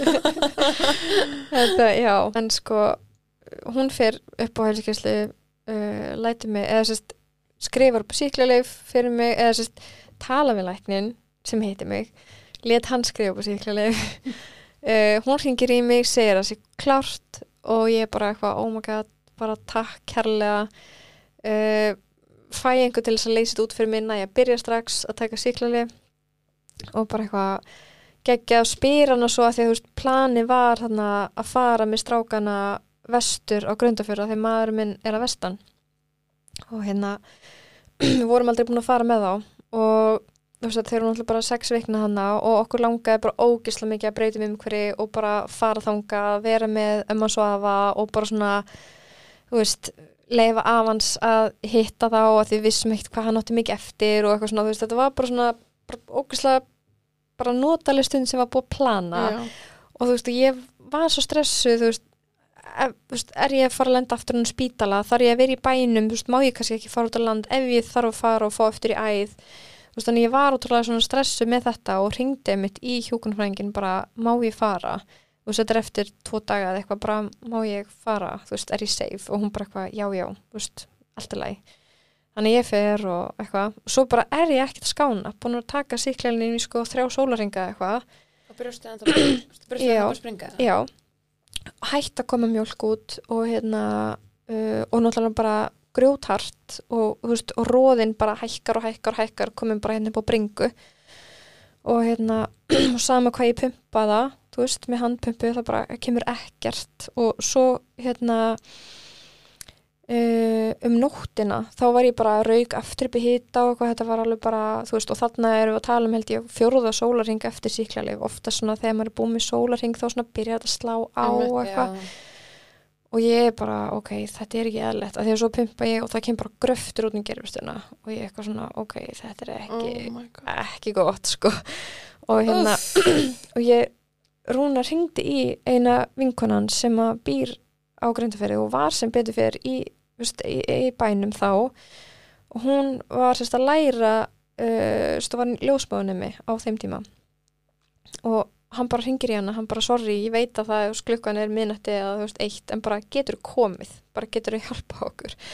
Og hún kemur og hérna bara já, bara ég er svo þakklátt fyrir að hún gat komið og hún sérst byrja eitthvað svona að skoða lifin og bara svona mitt skoða mig og bara ok, þetta er ekki gott og þú ætti að fara beint upp á spítala í Reykjavík um leið og vaknar morgun.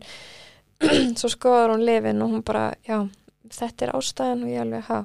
Þá hérna hafði ég sérst fengið þrís og sinnum of lágan skamt af síklarlegum og sérst, bara ekki nærðu því nógu stóran skamt til þess að tækla brjóstasíkingu what the fuck? Já, ég hefði átt að taka eða þetta var ángurins eitt fjórðið af því sem ég hefði átt að vera að taka sko per skipti þannig að þú veist, þetta var alveg allt og látt og hérna og ég bara, þú veist, ó, ég var svo reið ég var bara, þessi Oj, ég helvitis trúi læknir já, ég var bara ég var terrillt, sko og bara ok, þú veist, ég bara ég hafði eitthvað skrítið á tilfinningunni, þú veist, bara ég var svo stressu að fara og svo núna þurftum við að fara fyrir í bæin og þetta endaði sko þannig að, að hérna eh, akkurat þetta er sko, akkurat á sama tíma í þessari ferð, þarna á Grundafirði, þá kemur ljós hérna hjá stráknum mínum sérst öðrum eldari um, ég var að skipta á honum þá, þá veist, var ég ógisla lasin eitthvað, þú veist, bara gæti ekki hreift mig, var að skipta á honum og hann var eitthvað svona skrítin, mér fannst pungurum verið eitthvað svo bólgin og ég "Ó, þetta er eitthvað skríti svo byrjuði að þreyfa, þá fann ég bara gardninar á honum voru komnan í pung. Já, og ég bara ok, ringdi ég mitt bara hvað, hvað á ég að gera, og þú veist þá var hann búin að kviðslitna og gardninar komnar niður í pung og ég bara, ok, við erum að fara í bæinn og við bara náttúrulega brunum beint í bæinn og þú veist ég er áfalli Mhm. Ég bara, ég held ég að vera sveitt á þann sko. Þetta var bara, þú veist, ég og hann vonum bara inn á spítala, þú veist, fyrstu mánuðina. þig. Já, það var rosalegt, sko.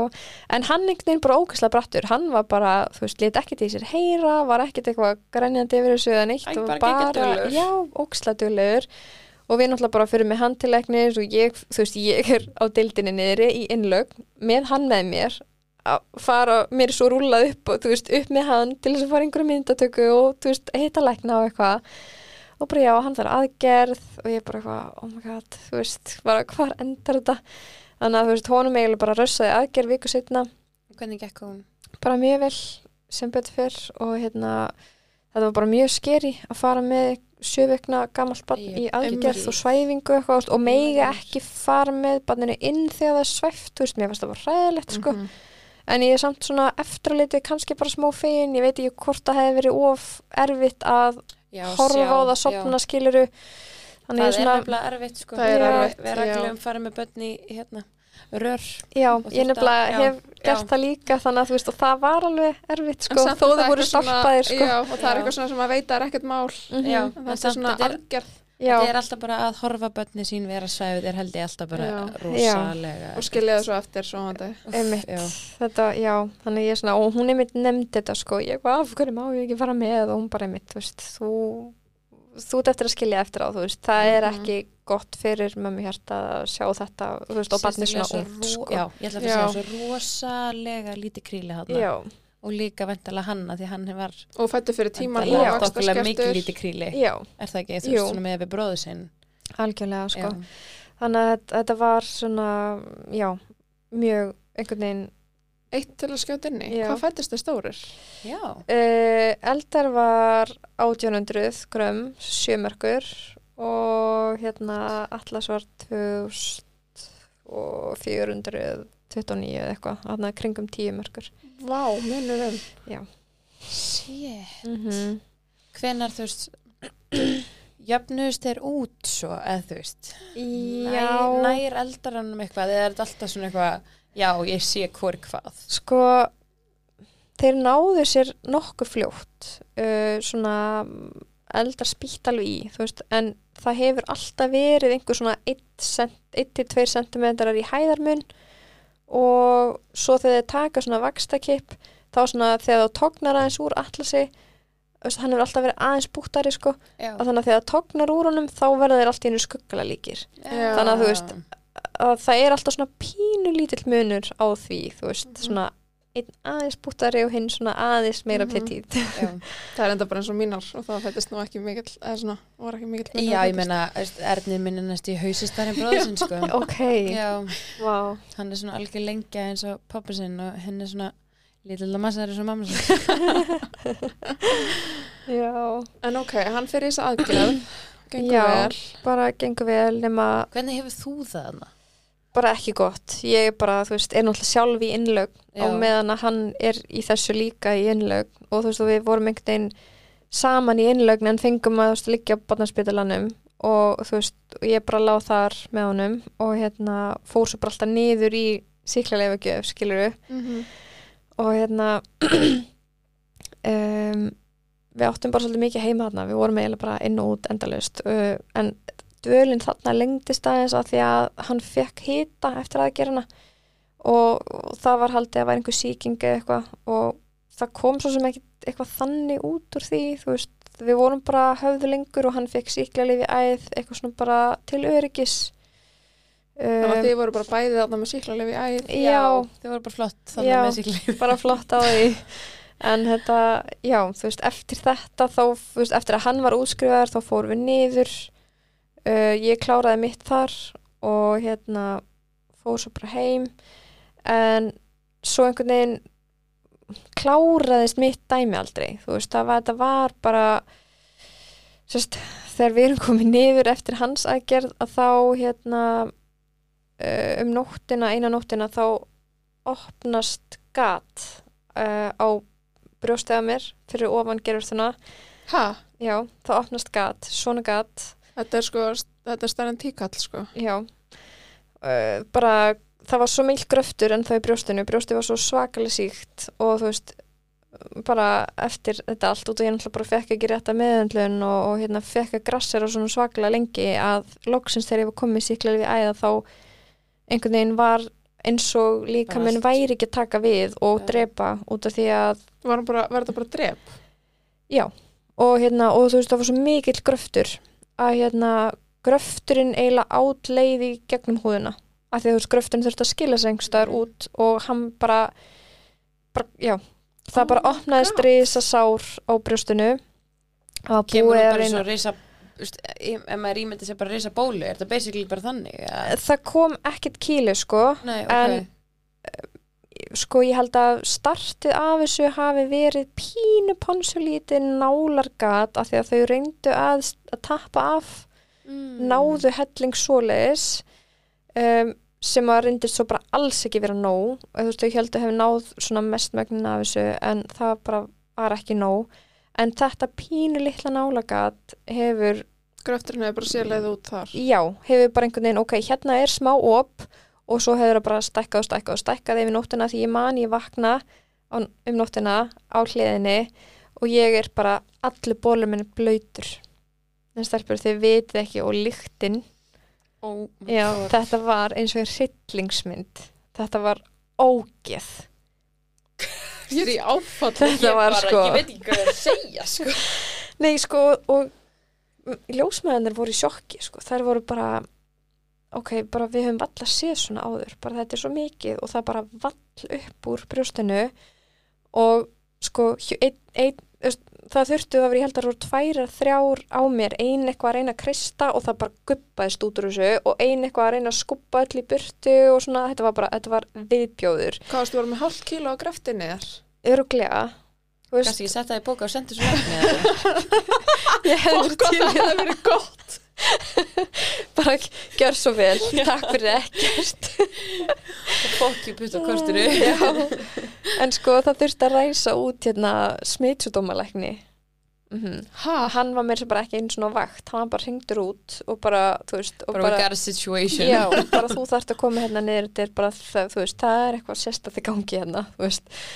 Og hann kemur og byrjar einmitt bara að krista á mig brjóstið og veist bara, þú veist, þetta er bara eins og hún var að krista bólu og hann bara einhvern veginn að já, bara guppa öllu hann út og svo þú veist, Fekstu morfina, varst ekki að deyja ég var bara? að drepast sko en ég var einhvern veginn bara svo ég var svo á svo miklum botni andlega Já. að ég bara, ég hafði ekki orku í neitt, ég bara grét endalaust og ég var eiginlega komin á þann stað ég var bara, getið þið skorið að mig bæði brjóstin, bara I don't give a shit. Já, bara ég, ég get ekki meir.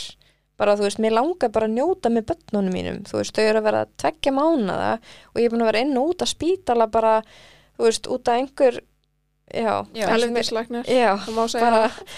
ekki klúðri. drullast til þess að gefa mér bara rétta meðferð og hlusta á mig. Já. Einmitt, bara fucking hlusta sorry að ég blóti en bara Nei, við blóðum bara- mjög mikið Og sko. líka bara, hvað hva held hann? Þú veist að byggja um síklarli bara því það er svo gaman að taka heima á Einmitt. sér eða? Gaman að lifa síkulegum gæti hann ekki bara skoða söguna ok, þú veist, hún er búin að lendi í þessu og verið inn út á spítala og fá svikla lífi æð Já. uh, núna þrísu sinnum áður bara, Auðvitað er þetta sama sagan. Já, ekki bara hlusta á hana. Þú veist, hún er með kúlu hérna inn í brjóstinu eða skilju, þetta var bara störtlað Þú ert ekki með brjóstlæknir heldur einmitt, en þetta þarna eiginlega var svolítið svona uppspretta af bara daldið mjög lengu bara vesenni sko. Og þetta var bara endalust bras og ég var bara inn og út af Hvað, spítalanum. þú veist, að því þú ert bara með gat á brjóstinu. Mhm. Hvað er gert?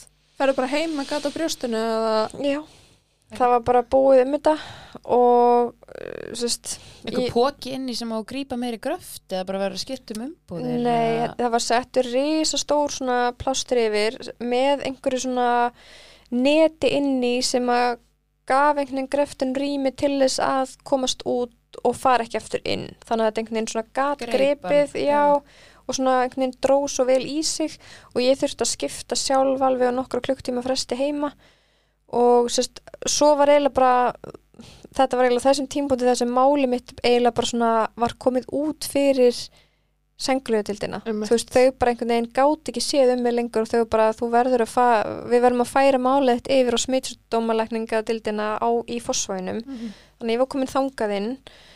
Um, og hann sérst, bara frábær læknir sem tók á móti mér þessi sem var ræstur út hann bara. Já. já. ég bara, ég er Svo svo ætti það innilega að skilja þannig já, ég er mjög þakklátt fyrir hann en hérna hann sem sagt um, vildi að ég fengi bara livjabrunn uh, hérna já, bara basically eins og þú veist, er notað bara fyrir krabba lang- með sjúklinga og einmitt marga bara svona langveika Mhm. Um, og þurfti að sérst, já, það er náttúrulega bara svona risa leggur sem að, þú veist, liggur í átt að hjartanu einhverja, ég man ekki, 16 cm inn eða eitthvað einhverja risastóra æð var sett upp dæla, þú veist, lifja dæla sem ég þurfti alltaf að vera, ég þurfti að vera með svona svona, hvað heitir þetta, fanny bag eða eitthvað Já. svona svona með bara livjadælu, bara síklarlegum sem að runnu inn bara, þú veist, 24-7 bara, þú veist, og svo þurfti ég alltaf að koma uh, og skipta um dælu uh, á, ég man ekki hvort það var sólarhengsfesti eða tveggja sólarhengsfesti Fara Já. upp á spítala og skiptindæli og, stu, og þarna er ég bara endalist að fara frá bönnunum, fara frá nýfættum bönnum, þú veist, og bara alltaf eitthvað eins og sé ekki nóg og erfitt að vera með tvo einstaklingar sem úrt að læra á heima nýbúin að Einmitt, eignast. Já. Ég, er bara næ Oh ekki my utan um þetta God. sko. mm þetta var En færðu einhverja útskýringu að því ofti tala um að komi svona stípla þú veist í byrjun brjóstakja mm Mhm. fyrsta brjóstakja Þú veist, fegstu ykkur útskýringu af hverju þetta gerist svona nei Enga, er, er sko. þetta eitthvað algengt eða þú veist, þau vitaðu ekkert af hverju þú veist, hvað það gerist Er þetta ekki bara líka gekk ofur langt þarna í síðasta skiptið og Jú, ég Jú, held jú, það sko ég held að þetta hafi bara verið einmitt, þetta hefði ekki þurft að ganga svona langt ef ég hefði bara fengið rétt að meðferð Já. Já, þannig að veist, þannig að þetta er augljósleikna með stök Mhm. já uh, svo, Já. svo vil ég það ekki meina. Nei, nei, að Nei, emmett ég, Við, við Rakel skulum þá bara segja já, já. Við erum en ég tala um þetta. Ég tala um þetta sem lækna mistök samt sko, en hérna um, Ég menn, þú komur bara einhver livjabrunn og þú veist, einhverju smygtjúb Er líka bara að þú Mhm. þurfur að fara af, þú veist, kvennadeildinni yfir á smitsjúkdómdeild Já. það Mhm. galið Það er bara vissir að væri að koma það. Já. Þú fannst fyrir ég bara vissi nákvæmlega í hvað stemdi búin að vera að díla við þetta en já, en þetta var sérst, ég, ég man ekki hvort þetta var þetta var örugglega svona tæpur mánuður sem að ég var uh, inn á fósfóinum búin að vera þá í tvo mánuði inn á út á landspítalanum um, og var þá alltaf bara einmitt að fara fá nýlif, uh, þessi virku ekki þú veist, sári var ekkert að gróa og það var ennþá að vella út gröftur uh, ennþá með bara svona hnefa stórt, bara harða stóra kúlu inn í brjóstinu sem var ekkert að fara. Og uh, hérna þetta enda eiginlega þannig að sérst, eftir að ég var bara einmitt alltaf að fá nýja og nýja dælu og það var ekkit að virka, ég man ekki hversu margar rannsóknir ég fór í, þú veist, ég fór í segulómun og ég fór í röngen og ég fór ég þurfti að hitta hérna uh, ég fór, þurfti að fara neyru húðu kyn Já. og hérna Nú. tala um einhvern lækni þar út af því að það var enginn gróandi í sárinu þú veist að því að það var bara gat á brjóstinu Mhm. og þú veist og ef ég tókaði í húðina stelpur og horfði ofan í ég sá bara bara, það var bara svarthól þannig í sko, þetta var nasty. Oh my god. já, maðurinn minn sem er sko ekki klífgjart maður, hann gæti valla skiptum á umbúðunum mínum sko, þetta var svo ógeðslegt. En hérna Verða ekki alveg með orðlega við hættum bara fyrir andlitið hérna. En þetta hérna svona, ég er að fara að segja núna Kóttu með það Nei, hérna, ég hugsa bara um eitthvað svona fyndi gif núna eitthvað svona, eitthvað svona three hours later þegar ég saði upp þetta er, ég, ég skal reyna að segja þetta í stuttri sögu Þetta er samt bara svo stór saga. Ég það er veit það. Ég, ég Það bara er ekki hægt, sko. Nei Nei, þú verður ekki og að það er líka bara sko. mögulega einhver þarna úti sem er bara að fá þetta, þú veist stíplu og eitthvað -hmm. bara Fucking verið starfið á já, ykkar.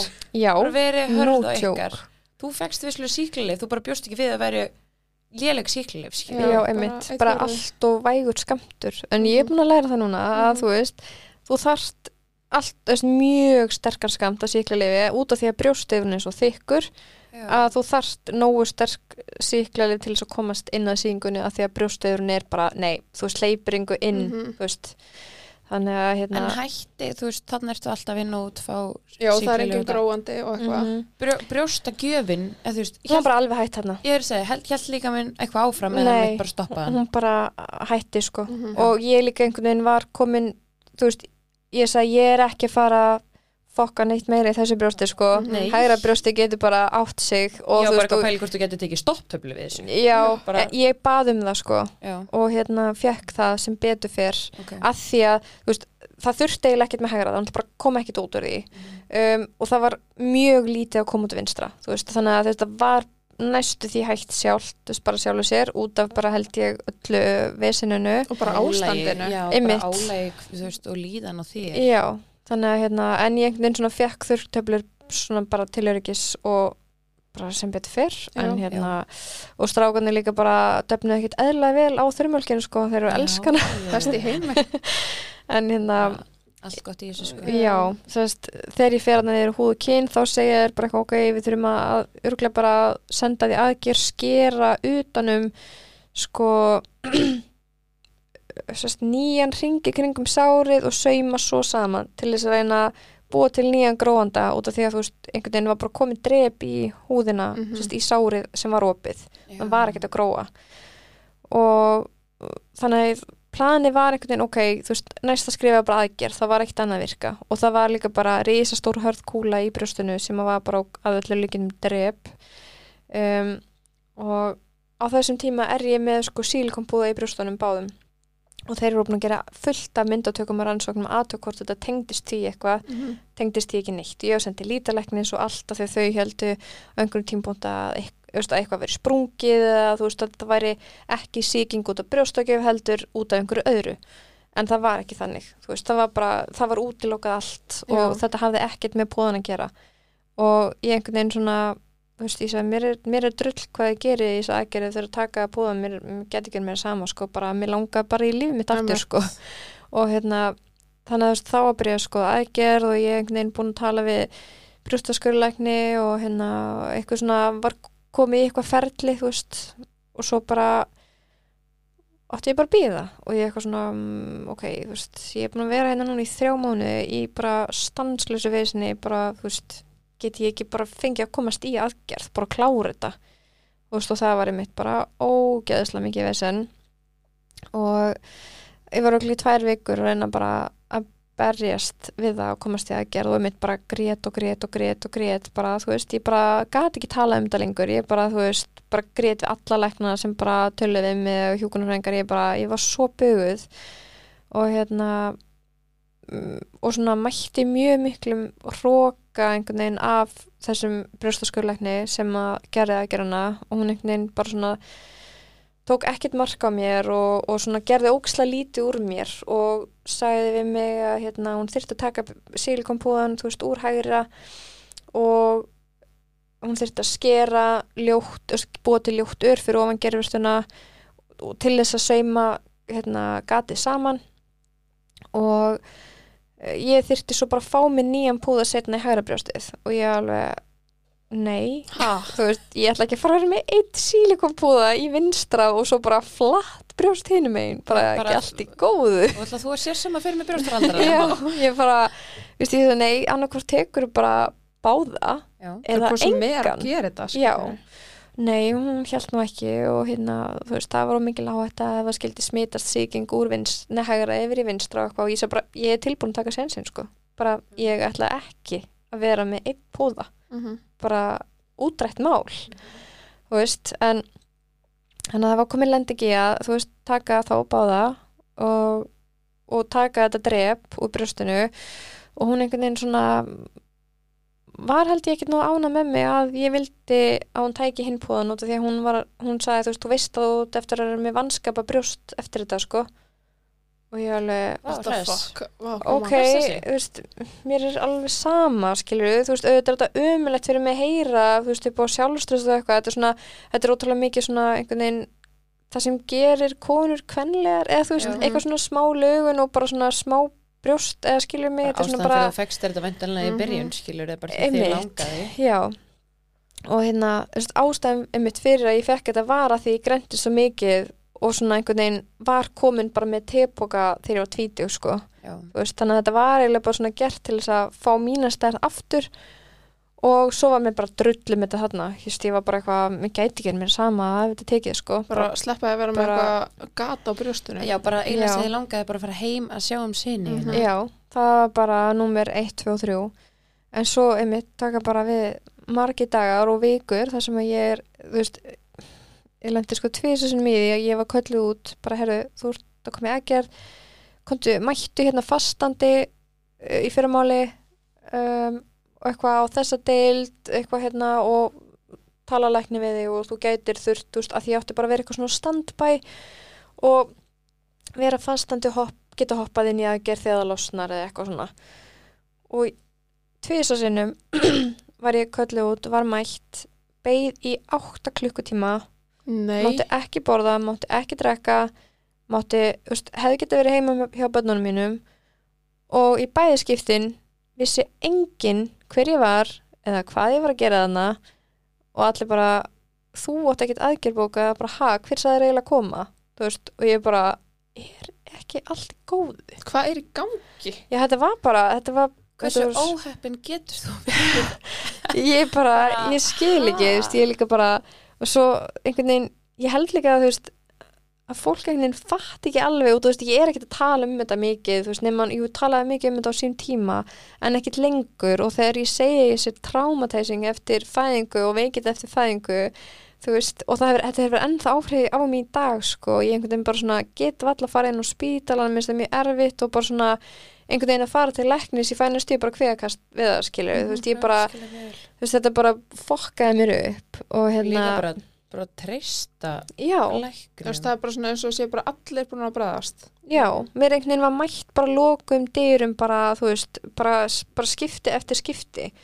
Og þarna eftir þessu tvö skiptir sem ég mætti og enginn kannaðist þeim mig, þá hérna uh, ég sett bara ringdi bara grátandi í manni minn og bara, þú veist, um mömmu og eitthvað og bara, þú veist, bara ég get ekki meir bara ég veit ekki hvað ég á að gera. Og hérna, ringi svo í tengdafóldri mína og tengdapappi bara fekk nóg. Hann geði styrlaðist hann bara hann var svo reyður og hann fór brjálaður niður á brjóstagang á landsbytalanum og let einhvern í afgjörslinni heyra það.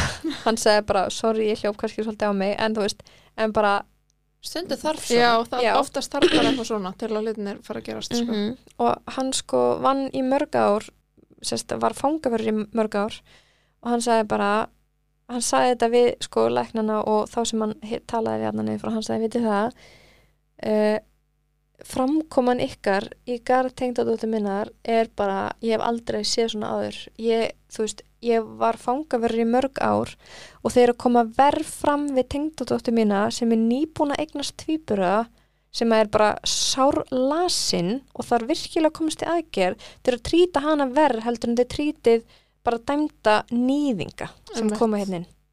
Bara er ekki allt í góðu þú veist, og hann bara hann var trilltur þegar hann var að segja þetta sko. Ég, ég bara, ég Þetta er bara mjög þarna. Já, og þú veist, og allir eitthvað, uh, þú veist, enginn saði neitt, herru, ég fekk símtal sama dag og mér var búin aðgerð tveim dögum setna. Nei, Jú, og ég bara, ert að grínast. Bara, að fara veist, fyrr. Já, veist, ég er bara En svona, að þurfa að fara fyrr af hverju Að- þarf þetta? Að þurfa að fara, þú veist Hann, þú veist, eins og hann segir, kannski full mikið En Mhm. að hann þurfi að Mhm. gera þetta Skiliru, Það er veist, en náttúrulega fárálegt Af hverju ekki bara að hlusta á mig? Já, Ég er sjúklingurinn og ég, þú veist, er bara einmitt í ógislega erfið andlu ástandi. Bara, þú veist, nýböku móðir, þú veist, traumatizing fæðing, uh, þú veist, aðgerð hjá öðrum stráknum, uh, þú veist, öll mín veikindi og eitthvað, þú veist, bara, akkur akkur ekki tekið marka á mér, bara, skilju, ég var bara, ég var bara, já, buguð, en komst loksins í þessa fjandans aðgerð og hérna, það sem, sérst, allt var tekið, veist, náttúrulega báði púðanir og risadrep, það var sérst bara eiginlega allur brjóstöðurinn í hægra brjóstinu var bara orðin að drepi. Jésús og þetta var bara svona eiginlega á stærðir litla appi sínu Oh og hérna og brjóstið algjörlega innfallið. Þú veist, er, það er eiginlega bara engi brjóstöður eftir í því í dag og þú veist, hún er náttúrulega með ljóttur yfir allir brjóstinu og ég er búin að þurfa að fara í sko tvær aðgerðir eftir þessa aðgerð síðan þá, bara til þess að uh, bara laga taugaverki og örvefi og, og þú veist, þetta hefur ennþá áhrifum í dag, þú veist, ég er bara tek taugaverki að lifi nánast daglega og þú veist, ég er bara þetta er bara, já, bara búið eðilegja ógeðslega margt Þetta er Svona, hérna, svakalegt. Já, en það var eiginlega svona fyrst þarna nokkru mánuðu setna sem að ég er svona bara ok, loksins bara náði smá andanum og gat byrjað að sjá um börni mín. Þú veist, þarna var bara fæðingrálegt að byrja. Þegar þeir voru með hvað, þryggja manna. að vera einmitt. verða fjórum hana rosalegt þannig að En hérna, þetta er ekki læknamistök. nei, Nei, nei, nei, nei, nei, nei alls ekki. Hún tók ekki réttan skamt af lífjörn nei, ég mitt ég hérna já, ég, ég fór með þetta alla leið sko. Já. og Já, hérna um, samt bara ætlaði ekki að gera það sko, ég bara hafði ekki orku neyða það. Voru Nei, ég allir í það. kringum mig og bara, þú veist, þú verður að gera eitthvað í þessu bara þú verður að gera það. Uh, en ég einhvern veginn fann ekki styrkin og kjarkin í að gera það fyrir en um, einhvern veginn svona aðrir fóru að hvetja mig til þess þú veist, sem að nú veit ég ekki hversu mikið ég má segja en ég svona er að reyna að hindi eitthvað um, uh, Aðri lendi í sama lækni eða? Nei, ekki Nei, ekki svoleiðis en hérna bara já, þú veist fólk sem tengist helbriðsgeirunum var bara að byrja að hvetja mig, Já, veist. og- og hérna. Já, og ég einhvern veginn bara svona ok, fyrst að þau eru að segja mér að gera það og þú veist, þau inni sem gera það, þá eiginlega bara verði ég að gera það þá mig, þú veist, Mhm. það var eins og svolítið mikið kvartning fyrir mig, þannig ég gera það og var bara fyrst núna fyrir ári síðan sem einhvern veginn það mál kláraðist og hérna þeir voru strákunir rúm, eða einsás, já, þegar ég fór í þetta og núna hvað í fyrra 2022 nei, þetta var auðvitað bara 23. í 23 sem að Já. ég fæ loka niðurstöðu, og þá var ég bæði búin að fá svar frá landlækni og sjúkundringum og þau telja ekki hafa átt sér staðilegna mistök og já, og það er allt bara eins og, eins og það á að vera Erstu ekki fucking grínast? Nei. Ha? Ok. og ég, ég man ég, ég sagði við sko veist, ég sagði við Hvað lögfræðingi átti minn. sér þá stað? einmitt, ég bara, ég skil ekki veist, Þú sprautar þessu ekki ykkur í brjóstöður hana, sko. Nei, nákvæmlega.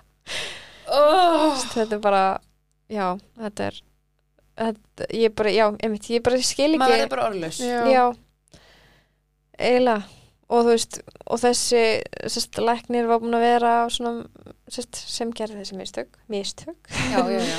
að hérna hann sest, er búin að vera uh, mikið í fjölmiðlum uh, fyrir fleiri mistök Nei, Jú og hérna, samt voru þetta samt var það ekki Nei, þú veist, hitt til þess að ekki mistök Nei, nei. nei, samt var það, þú veist, var það ekki nóg til þess að vinna með mér í mínu máli sko. þannig að Ég held bara að því miður læknar sig og venda þar já, það er alltaf Sjúkratingar elskar líka að venda á líka. Mm já.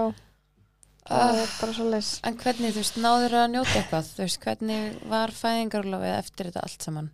Það var bara, þú veist, auðvitað bara mjög kræfjandi, þú veist, Rúnar náttúrulega tók sér lítið sem ekkit fæðingrálof um, var, jú, vissulega stemi á meðan ég var í þessum veikindum en svo, þú veist, bara þegar hann gata því hann er í svona sveigjanlegri vinnu en hérna uh, annars voru við bara með mjög gott stuðningsnett í kringum okkur sem var að hjálpa mér.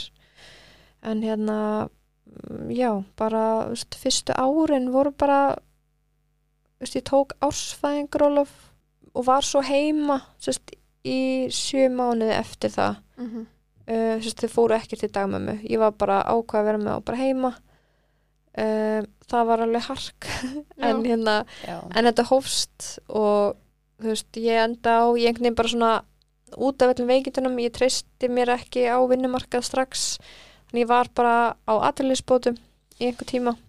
Já, þangar til að koma í staði leikskóla það fóru leikskóla hérna 17 mánu og ég var alveg svona smá einhvern veginn mjög klúles þegar ég var að ringja á leikskólana þannig að kringum 16 mánuð eða eitthvað, ég man ekki, ég bara svona eitthvað að því að ég var búin að sækja um og það bara ég einhvern veginn bara svona gerði ráð fyrir að veri hérna, forgangur fyrir týpura sem það ætti bara að vera er náttúrulega make-up er mjög mikið Já. og ég bara svona, ó, nei þú þarft að vera með þrýbura til þess að fá forgang og ég bara, af því að þetta er ekki nóg, bara hvað meinar Já, sorry, þrýbura ah, Mér langar svo að Man næst. senda á einhvern og fá raukstuðningin fyrir því Já, hvers vegna það er bara fyrir þrýbara Þetta ætti náttúrulega bara að vera fjölburar Já. Já, annað, bara einmitt. fjölburar Já. og, þú veist, 2, algjörlega. 3, 4 saman hvort það er Já, Mhm. þannig að, en ég fekk sérst forgangin samt út af bara mínum veikindum. Þetta var bara, þeir sérst byrjuðu ekki að ganga fyrir en 17 mánuða. Þeir fóru sérst byrjuðu á leikskóla hérna kringum 16 mánuða og byrjuðu svo að lappa 17 mánuða. Þannig að þeir voru ennþá skriðandi inn á leikskólanum, bara einu beði sem var skriðandi. Já, en það var líka eiginlega þess vegna sem ég svona uh, fekk forgangin. Ég bara, ég var að klepra andlega og líka náttúrulega bara eh, aldrei verið verri af endometriósinni, þú veist Já, og svo er það náttúrulega ofan á allt já, Þú veist ef við förum aðeins út í það þú veist, hvernig líka þú náttúrulega fegst hann þetta tóg á meðgöngunni. Mhm. hvenar svo byrjar það aftur að grassera eftir að þú átt á? Bara það var bara hann um sömarið þetta var, bara- ég byrjaði bara strax á blæðingum bara eitthvað sex vikum eftir á sko. Já. Nei, Jú. og svo ógeðslega mikið verri þú veist, ég var slæm fyrir sko. Guð minn almáttur, en eftir fæðingu, ég bara ég var bara nei, út af því að það er svo oft sagt eitthvað svona við konur með end og bara, þú veist eign, þú veist, bara farðu og þetta lagast á eignast börn. Þú veist, þú, þú verður betri eftir eignast börn eða búin að fæða eitthvað svona, það er ógslátt það er svona, það er eða svona, ég held að þetta sé gömul mýta. sko. Já, Já. ég held að þetta sé svona svolítið gömul mýta að einhvern veginn einkennin eigi að lagast eða verða betri. En ég, veist, auðvitað, ég tók því með algjörum fyrirvara, þekkjandi sjúkdóminn. Mhm. en þá var ég samt einhvern veginn svona ok, ég vona bara að ég verði þessi prósenta sem bara verði hans betri. Svo náttúrulega bara fór það beint í hináttina sko, bara aldrei verið verri. Og náttúrulega, þú veist, með þetta ofan í allt hitt, þú veist, þetta brjóstavesen og þá og einhvern veginn einmitt, svo þannig að þeir voru byrja á leikskólanum, veist, ég fekk bara eiginlega forganginni út af mínum veikitum, veist, ég var Mhm. bara með endóið, verkina uh, drepast í brjóstinu þú veist, og bara gat alltaf haldi á þeim bara út af, þeir náttúrulega bara voru svo háðir mér, skrýðandi og ég þurfti bara alltaf að halda þeim út af Já. því að einhvern veginn þeir kunni ekki lappa og þú veist, á þessu tímabili þá þarf maður svo mikið að halda þeim. Líka orðnir þokkilega þungir vendarlega já, alveg hlungar sko. Þannig að þú veist, maður gæti ekki verið eitthvað að leiða út um allt sem að hefði auðvalda málið mjög mikið. En ég var einhvern veginn alltaf annarkvort með bílstólana í báðum höndum og var, ég var bara orðin of verkuð og of svona já, bara einhvern veginn rústuð bara andlega og líkamlega að það var eiginlega Ég bara trúi Já, því þess vegna sem að þeir vel. komust svona snemmin sko. og bara Þannig að- 100% réttur á því sko Já, ég er bara, bara ógisla þakklátt fyrir að vera með sjúklega góðan heimilsleikni á þeim tíma sem bara hjálpaði mér ógeðsla mikið með þetta einmitt. Já. og bara svona að stilla mig af og þú veist bara nánast hringdi í mig vikulega bara að tekka hvernig ég hefði það þú veist andlega og líkamlega og bara þú veist já, bara ógesla þakklátt fyrir það. Já, bara magnað hérna- sko. já. En þeir eru týpurar mm hafa þær alltaf verið ótrúlega svona sambreindir Já, þeir hafa, það, hafa verið það sko.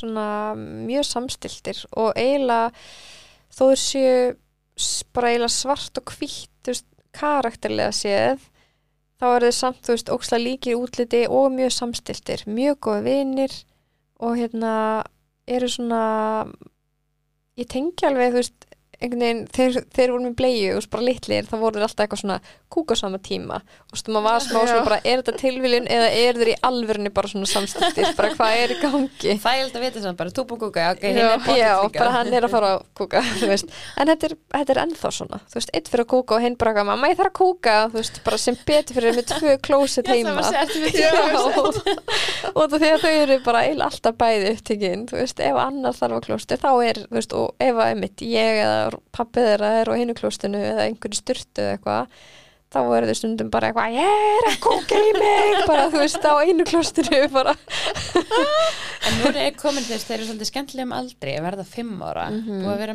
byrja mikið að prakastrykku með það.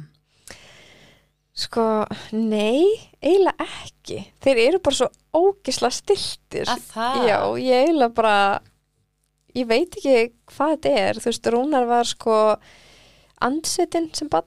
Ó, Bara, og þú Ok. veist, og, og það er bara svona hlakkað í allir fjölskyldinu hans, bara svona, ok, þið fáið tvo já. ass. Út af því að hann var vist bara andsetin frá batsaldri og bara þangað til hann var svona 15 ára. Fekstu Wow. að vita þetta án og var stólið þetta? já, já, já, já en hérna, ég var ekkert svona nei, þú veist, og svo alveg bara svona ok, þetta bara gæti actually gerst en svo einhvern veginn held ég að þær hafi algjörlega fengið mitt geðslag Já. og því ég bara svona var sjúklega rólegu krakki og bara svona einmitt frekar stilt og bara svona Og líka hjálpa, þeir voru með þér, jú, visslega varstu veiku allskunar, en þú varst Já. með það í fæðingarlun og þú Já. komið svona já, stiltir þá aðeins svona þitt plan. já, algjörlega og ég held, þú veist, ég held að það einhvern veginn svona hafi alveg haft áhrif á það og gera það alveg ennþá í dag þú veist, að því ég er ennþá í dag alveg mjög mikið með þeim og þú veist, og ég þó þessi ógeðsla krefindi stundum þú veist, ef það er mikið álag að hérna, þú veist, bara á okkur í fjölskyldinni þú veist, þó þessi erfitt, þá er það samt svo geðvikt dýrmætt og ég elska þessar stundir, þú veist þó svo ég seti mig alveg bara í neðsta sæti og mætti gera meira því að fara eitthvað út og gera eitthvað fyrir mig Já. þá samt einhvern veginn er þetta svo dýrmætt af því að þú veist, ég fæ ekki að tíma aftur ég er ekki að fara að eignast fleiri börn og einhvern veginn svona bara ég er bara svona eitthvað að reyna að fá þetta allt í æð og menn ég get veist.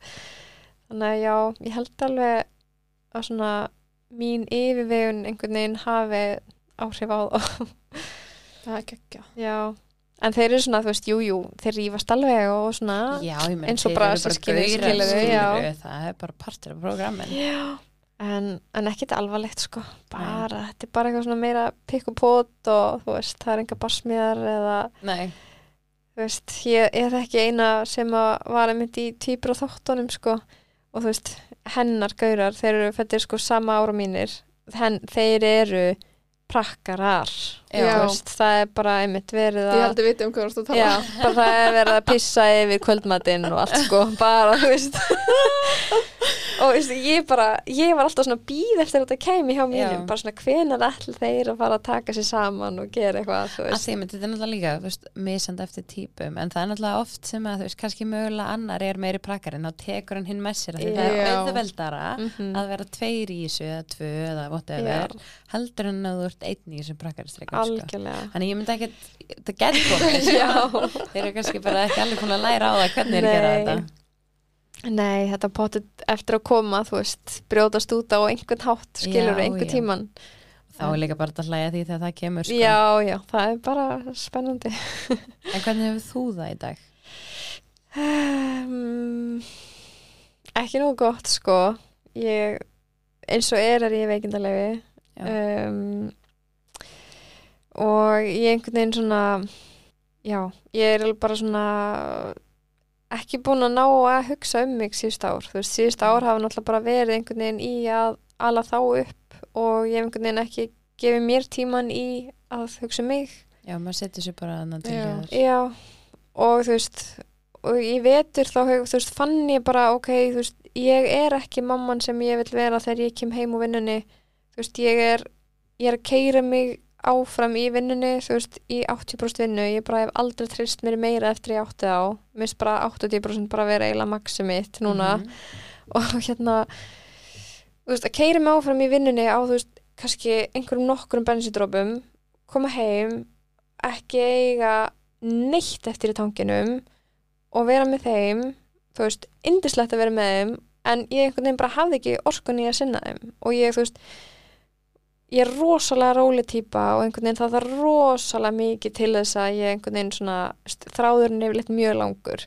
Og þegar ég var farin að einhvern veginn láta mína vanliðan þú veist, bitna þeim í hvernig ég svaraði þeim eða eitthvað svoleiðis, þá er ég bara nei þú veist, þarna stoppa ég þarna dreig ég mörkin sko. Þú veist, ef að, ef að ég er komin svona langt inn í veggin þú veist, ekki á leiðinni á hann heldur bara komin lengst inn í hann að þetta byrja að bitna þeim bara, þá verð ég að draga mér úr aðstæðum sko Mér finnst það ótrúlega vel gert. Já, bara, manna, sko.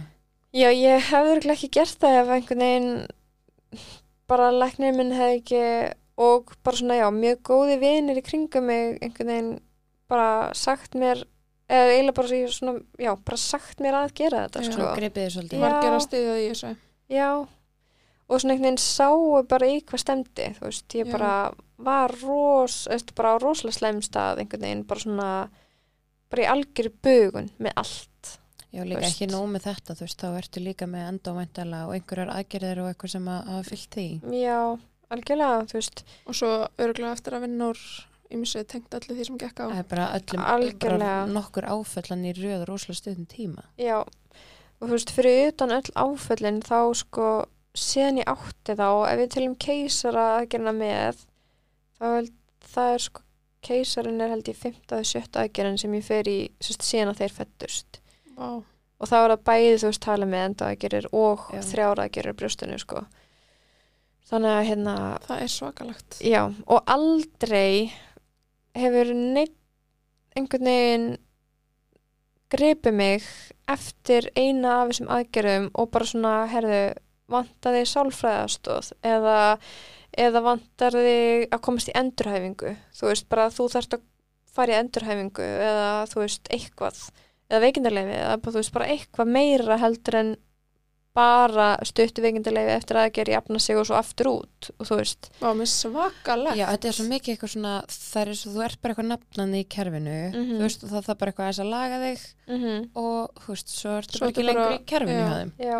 Og þá hvað? einmitt, það er ekkert sem þú veist, og hefur aldrei verið neitt sem grípið mig þannig einhvern veginn, það var ekki ógislega sorglegt að segja en það var einhvern veginn ekki fyrir núna í vetur þegar, þú veist, einn af mínum bestu vinum segir bara ert ekki átt af því að það er ekki eðlilegt að þú hafir aldrei verið sendið í endurhæfingu Mhm. þú veist, þú ef það er einhver sem á heim í endurhengu þá ert það þú, þú veist, því þú ert bara, þú ert svo tætt veist, og þú ert bara þú þarft að, aðeins að kúpla þig út og, og reyna bara að vera betri fyrir þig fyrst og fremst og svo náttúrulega líka bara fyrir strákana og fyrir rúnar og fyrir bara alla þannig að þú veist, ég er svona, já Svona skólabóka dæmið um hver ætti að fara í endurhæfingu. já, Mér veist líka bara eftir þetta brjóstadæmi neyra á kvannadelt, þú veist, mér er svo skrítið að hafa ekki gripin þar. Ég, ég grátt bað um í ófá skipti um að komast til sálfræðings því að þú veist, ég var bara, ég var görsamlega ónýtt og eftir að brjóstaskurleiknir reytti í mig í einum tímanum, viðtalstímanum, sérst, þegar ég var svona einhvern veginn komin yfir til hennar og það var svona að byrja að hugsa um að fara í aðgerð, þá, úst, byrja ég að tala um þetta og einhvern veginn bara svona að byrja að tala um þetta þá bara fossu tárin, ég bara einhvern veginn náði ekki haldi í mér og hún reytti í mig og sagði bara svona herðu, herðu vinkuna, þarf þú ekki bara að komast til sálfræðings og ég alveg mm, þú veist, jú, örglega en þú veist, en ég þarf samt fyrst að fara í aðgerðina Já. skilur og, og ég Sagði þú þetta bara? já og þú veist, einmitt, mér blöskraði svo þú veist, bara, já, yfir rosa mörgu hjá henni, en hérna ég ég man ekki hvers oft neyra á hvernig ég bara ég bara virkilega grátt bað um sálar hjálp ég bara, þú veist, ég, ég get ekki meir. Og hérna náði að komast í einn sálfræði tíma uh, með miklum herkjum og frekju. Og sko mörgum mörgum ánum setna ekki einhvern veginn, var, ég var ekki gripin á meðan ástandinu stóð. stóð yfir. Þannig ég fekk eitt tíma bara eitthvað svona yes, þú veist, ég er loksins komin að. Og þú veist, ef þið hefur farið sálfræðings þá viti hvernig þetta er alltaf fyrstin tíminn þú svona Mhm. eitthvað þylja upp alla söguna og Mhm. gráta og segja einhvern veginn bara svona allt og engin, engin þú veist, úrræði eða lausn í fyrstu tímanum þetta er Nei. einhvern veginn bara svona, þú ert bara að kynnast manneskunni herru, fór í eitt tíma fekk svo símtæli nokkur dögum setna herðu, við getum ekki bóðið fleiri tíma uh, við vitum ekki hvernig hún kemur aftur en hún er fann í veikindalefi og hún kemur ekkert aftur. Og við ætlum ekki að ráða inn annan sálfræðing. Og ég bara, Æðist, ok. Vá, frábært. Bara næs Jésús á öllum deildum bara akkur ekki að ráða inn annan sálfræðing? Þú veist, viti hvað gengur mikið á á kvennadildinni eða þú veist, bara alls konar mál. Bara, já, Já, allir hormónir um æður allt að gerast. Já. bara, og það Það er bara fullt af alls konar málum sem koma upp. Já, sem bara einmitt þurfa miklu meiri sálarhjálp heldur en nokkuð tíman ég þurfti sko. Þú veist, þannig að ég bara svona, þetta meika enga sens fyrir mér en ég bara, já, fekk aldrei einn hjálp. Sama hversu mikið ég bað um hana. En þú ert í veikindalegu núna, Já. ertu í einhverju endurhæfingu, þú veist, er það eitthvað á planinu eða? Já, ég er sérst nýkomin að hjá virk um, og það er eitthvað verið að skoða að mögulega ég fari á Reykjavík líka. Já. um, ég veit ekki alveg þú veist hvort að, að það verði eða ekki eða hvort að verði séð til eftir að ég er búin að vera hjá virk einhvern smá tíma um, en það er náttúrulega mm, held ég margra mánu að byggja þangað Mhm. ég þurfti að byggja þrjá mánu eftir að komast það í virk Já. þannig ég er nýkomin að þar og já, finn strax fyrir svona smá létti, þú veist, það er einhver hana sem ég ekki tala við og það er einhver sem að er með mig í höndunum, þú veist, sem Já. er bara búin að sækjum fyrir mig hjá sálfræðing. Mm þú veist, og er senda mig á námskeið og eitthvað svona sjálfstyrkingar og bara svona einmitt streitu losuna námskeið og eitthvað svona bara eitthvað fyrir mig og bara svona einhver tæki og tól fyrir mig til þess að nota og þú veist, einmitt bara já, veist, ég hef einhvern veginn meiri bríðir núna til þess að einhvern veginn gera eitthvað smá fyrir mig þó að þú veist, mér finnst stundum bara nógu erfitt að einhvern veginn bara vakna, ég er bara ógisla þreytt þegar ég vakna, hef enga orku neitt, kem drengjónum út í skólan, kem svo heim og er bara svona berjast við að fara ekki aftur að leggja mig út af því að ég er bara um nákvæð, ég ætla ekki að fara í hennar vítarhing -hmm. þú veist, sama hversu mikið mér langar að leggja mig, ég ætla ekki og þú veist, ég myndi vera fljót að fara einhvern vondarhing þá, sko. Þannig ég einhvern veginn svona ef ég nægi að komast á æfingu þú veist, það einhvern veginn ég, veist, ég bara elska það. Það er eiginlega svona mitt lif bara að komast og hrefa mig. Og ef ég næ því, þú veist, þá er það bara sigur og stundum bara finnst mér ég ekki hafa tíma eða orku, ég gera neitt annað þar sem er restin af deginum þangu til ég þarf að sækja þá. Já, þannig þú veist, stundum er bara sigur fyrir mig að komast á æfingu og svo einhvern veginn bara svona tími ég ekki að gera meira og eigða orkunum minni meira því ég þarf, ég vill eiga orkunum minna líka fyrir þá, geta fara með þá út að þá leika er þetta bara litlu segrannir fara að Já. æfingu og svo bara ná í þá einmitt, þú veist, og einmitt, já bara hafa orku fyrir þá og þú veist, gera eitthvað heima þú veist, baka eða mála eða fara út í gangutúr eða þú veist, eitthvað Nákvæmlega. Það er alltaf frábært að einhver sé búin að grípa utanum allt þetta mál þig. bara sem betur Já. fer og líka það þú veist, að þú finnir þig öruga núna Mhm. mm -hmm. Þú veist, að það sé eitthvað með þig, það sé verið aðstofa Mm Af því þetta er bara þetta er rosalega er sem þú ert með sko. já, þannig að þú veist þetta er svo lett, lett tráma já og bara magna hvað þú getur sagt vel frá þessu og þú veist án þess að bara já, Mhm. ég er bara Já. að það bara fast að gæsa held ég núna bara síðan byrjar þetta allt sko Já, mér finnst eiginlega, ég er eiginlega smá hissa að ég sé ekki öskur grátandi, sko, því að vanlega því ég tala um þetta þá er ég bara eitthvað. "Ah", þú veist, bara með ekka, sko. ég skil það vel En hérna, en kannski er það bara líka þú veist, það er eitthvað verið að grípa þig það er verið að vinna í Mhm. ykkur núna já, kannski bara fínt að tala um þetta og leifa öðrum að heyra og mm það Vonandi- getur vel verið sem tengir Emmett. ég er einmitt, sko, búin að uh, hjálpa tveimur stelpum sem voru á leiðinni í sama og ég, já, þú veist, eftir þetta. Þannig að, þú veist, já, og gatt leiðbend þeim og, þú veist, önnur þeirra sem, hérna, rétt svo slappið að fara í aðgerð og, þú veist, þetta var alveg bara svona kortir í að fara sömu leiðu ég, sko, þannig að, Já. þú veist, ég held einmitt að ef ég hef ekki sett einhvern veginn svona opna mig um þetta eða, þú veist, sínt frá þessu á einhvern smá hátt þá ég bara man ekki eins og þú veist, ég var svo miklu móki, ég man ekki hversu mikið ég dildi frá þessu en ég var trillt, sko, ég var brjáluð Já. út í kerfið, ég var bara ég skilja bara Mhm. rosalega vel ég er brjálu, ég kem ekki nálega þessu.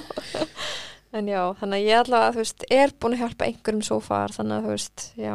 Vonandi verður þetta bara til þess að já, vonandi. maður komið í veg fyrir og við erum Mhm. alltaf að reyna að predika á því að please hlusti á mæður já. sama hvort sé Mhm. fyrsta bat sama þú veist, tvíburar ekki já, veist, gerðu bara auka tjekkið Mhm. skilur þú veist, ég veit það er ókslega róar. mikið að gera já, en bara, þú veist, please já, af því að þú veist, það er oftar en ekki sem að við einhvern veginn höfum rétt fyrir okkur, af því að þú veist, við þekkjum okkar líkama best sjálfar og vitum einhvern veginn bara hvað er í gangi og hvað er uppsiglingu eins og bara þegar ég vissi ég væri með sýkinguna í þú veist fjörðarskipti standa hérna, upp fyrir sjálfum ekkur já, algjörlega. Já, eða standa upp fyrir makanum en maður er, er brotin sjálfur sko, sem er náttúrulega skiljanlegt líka. Mm -hmm.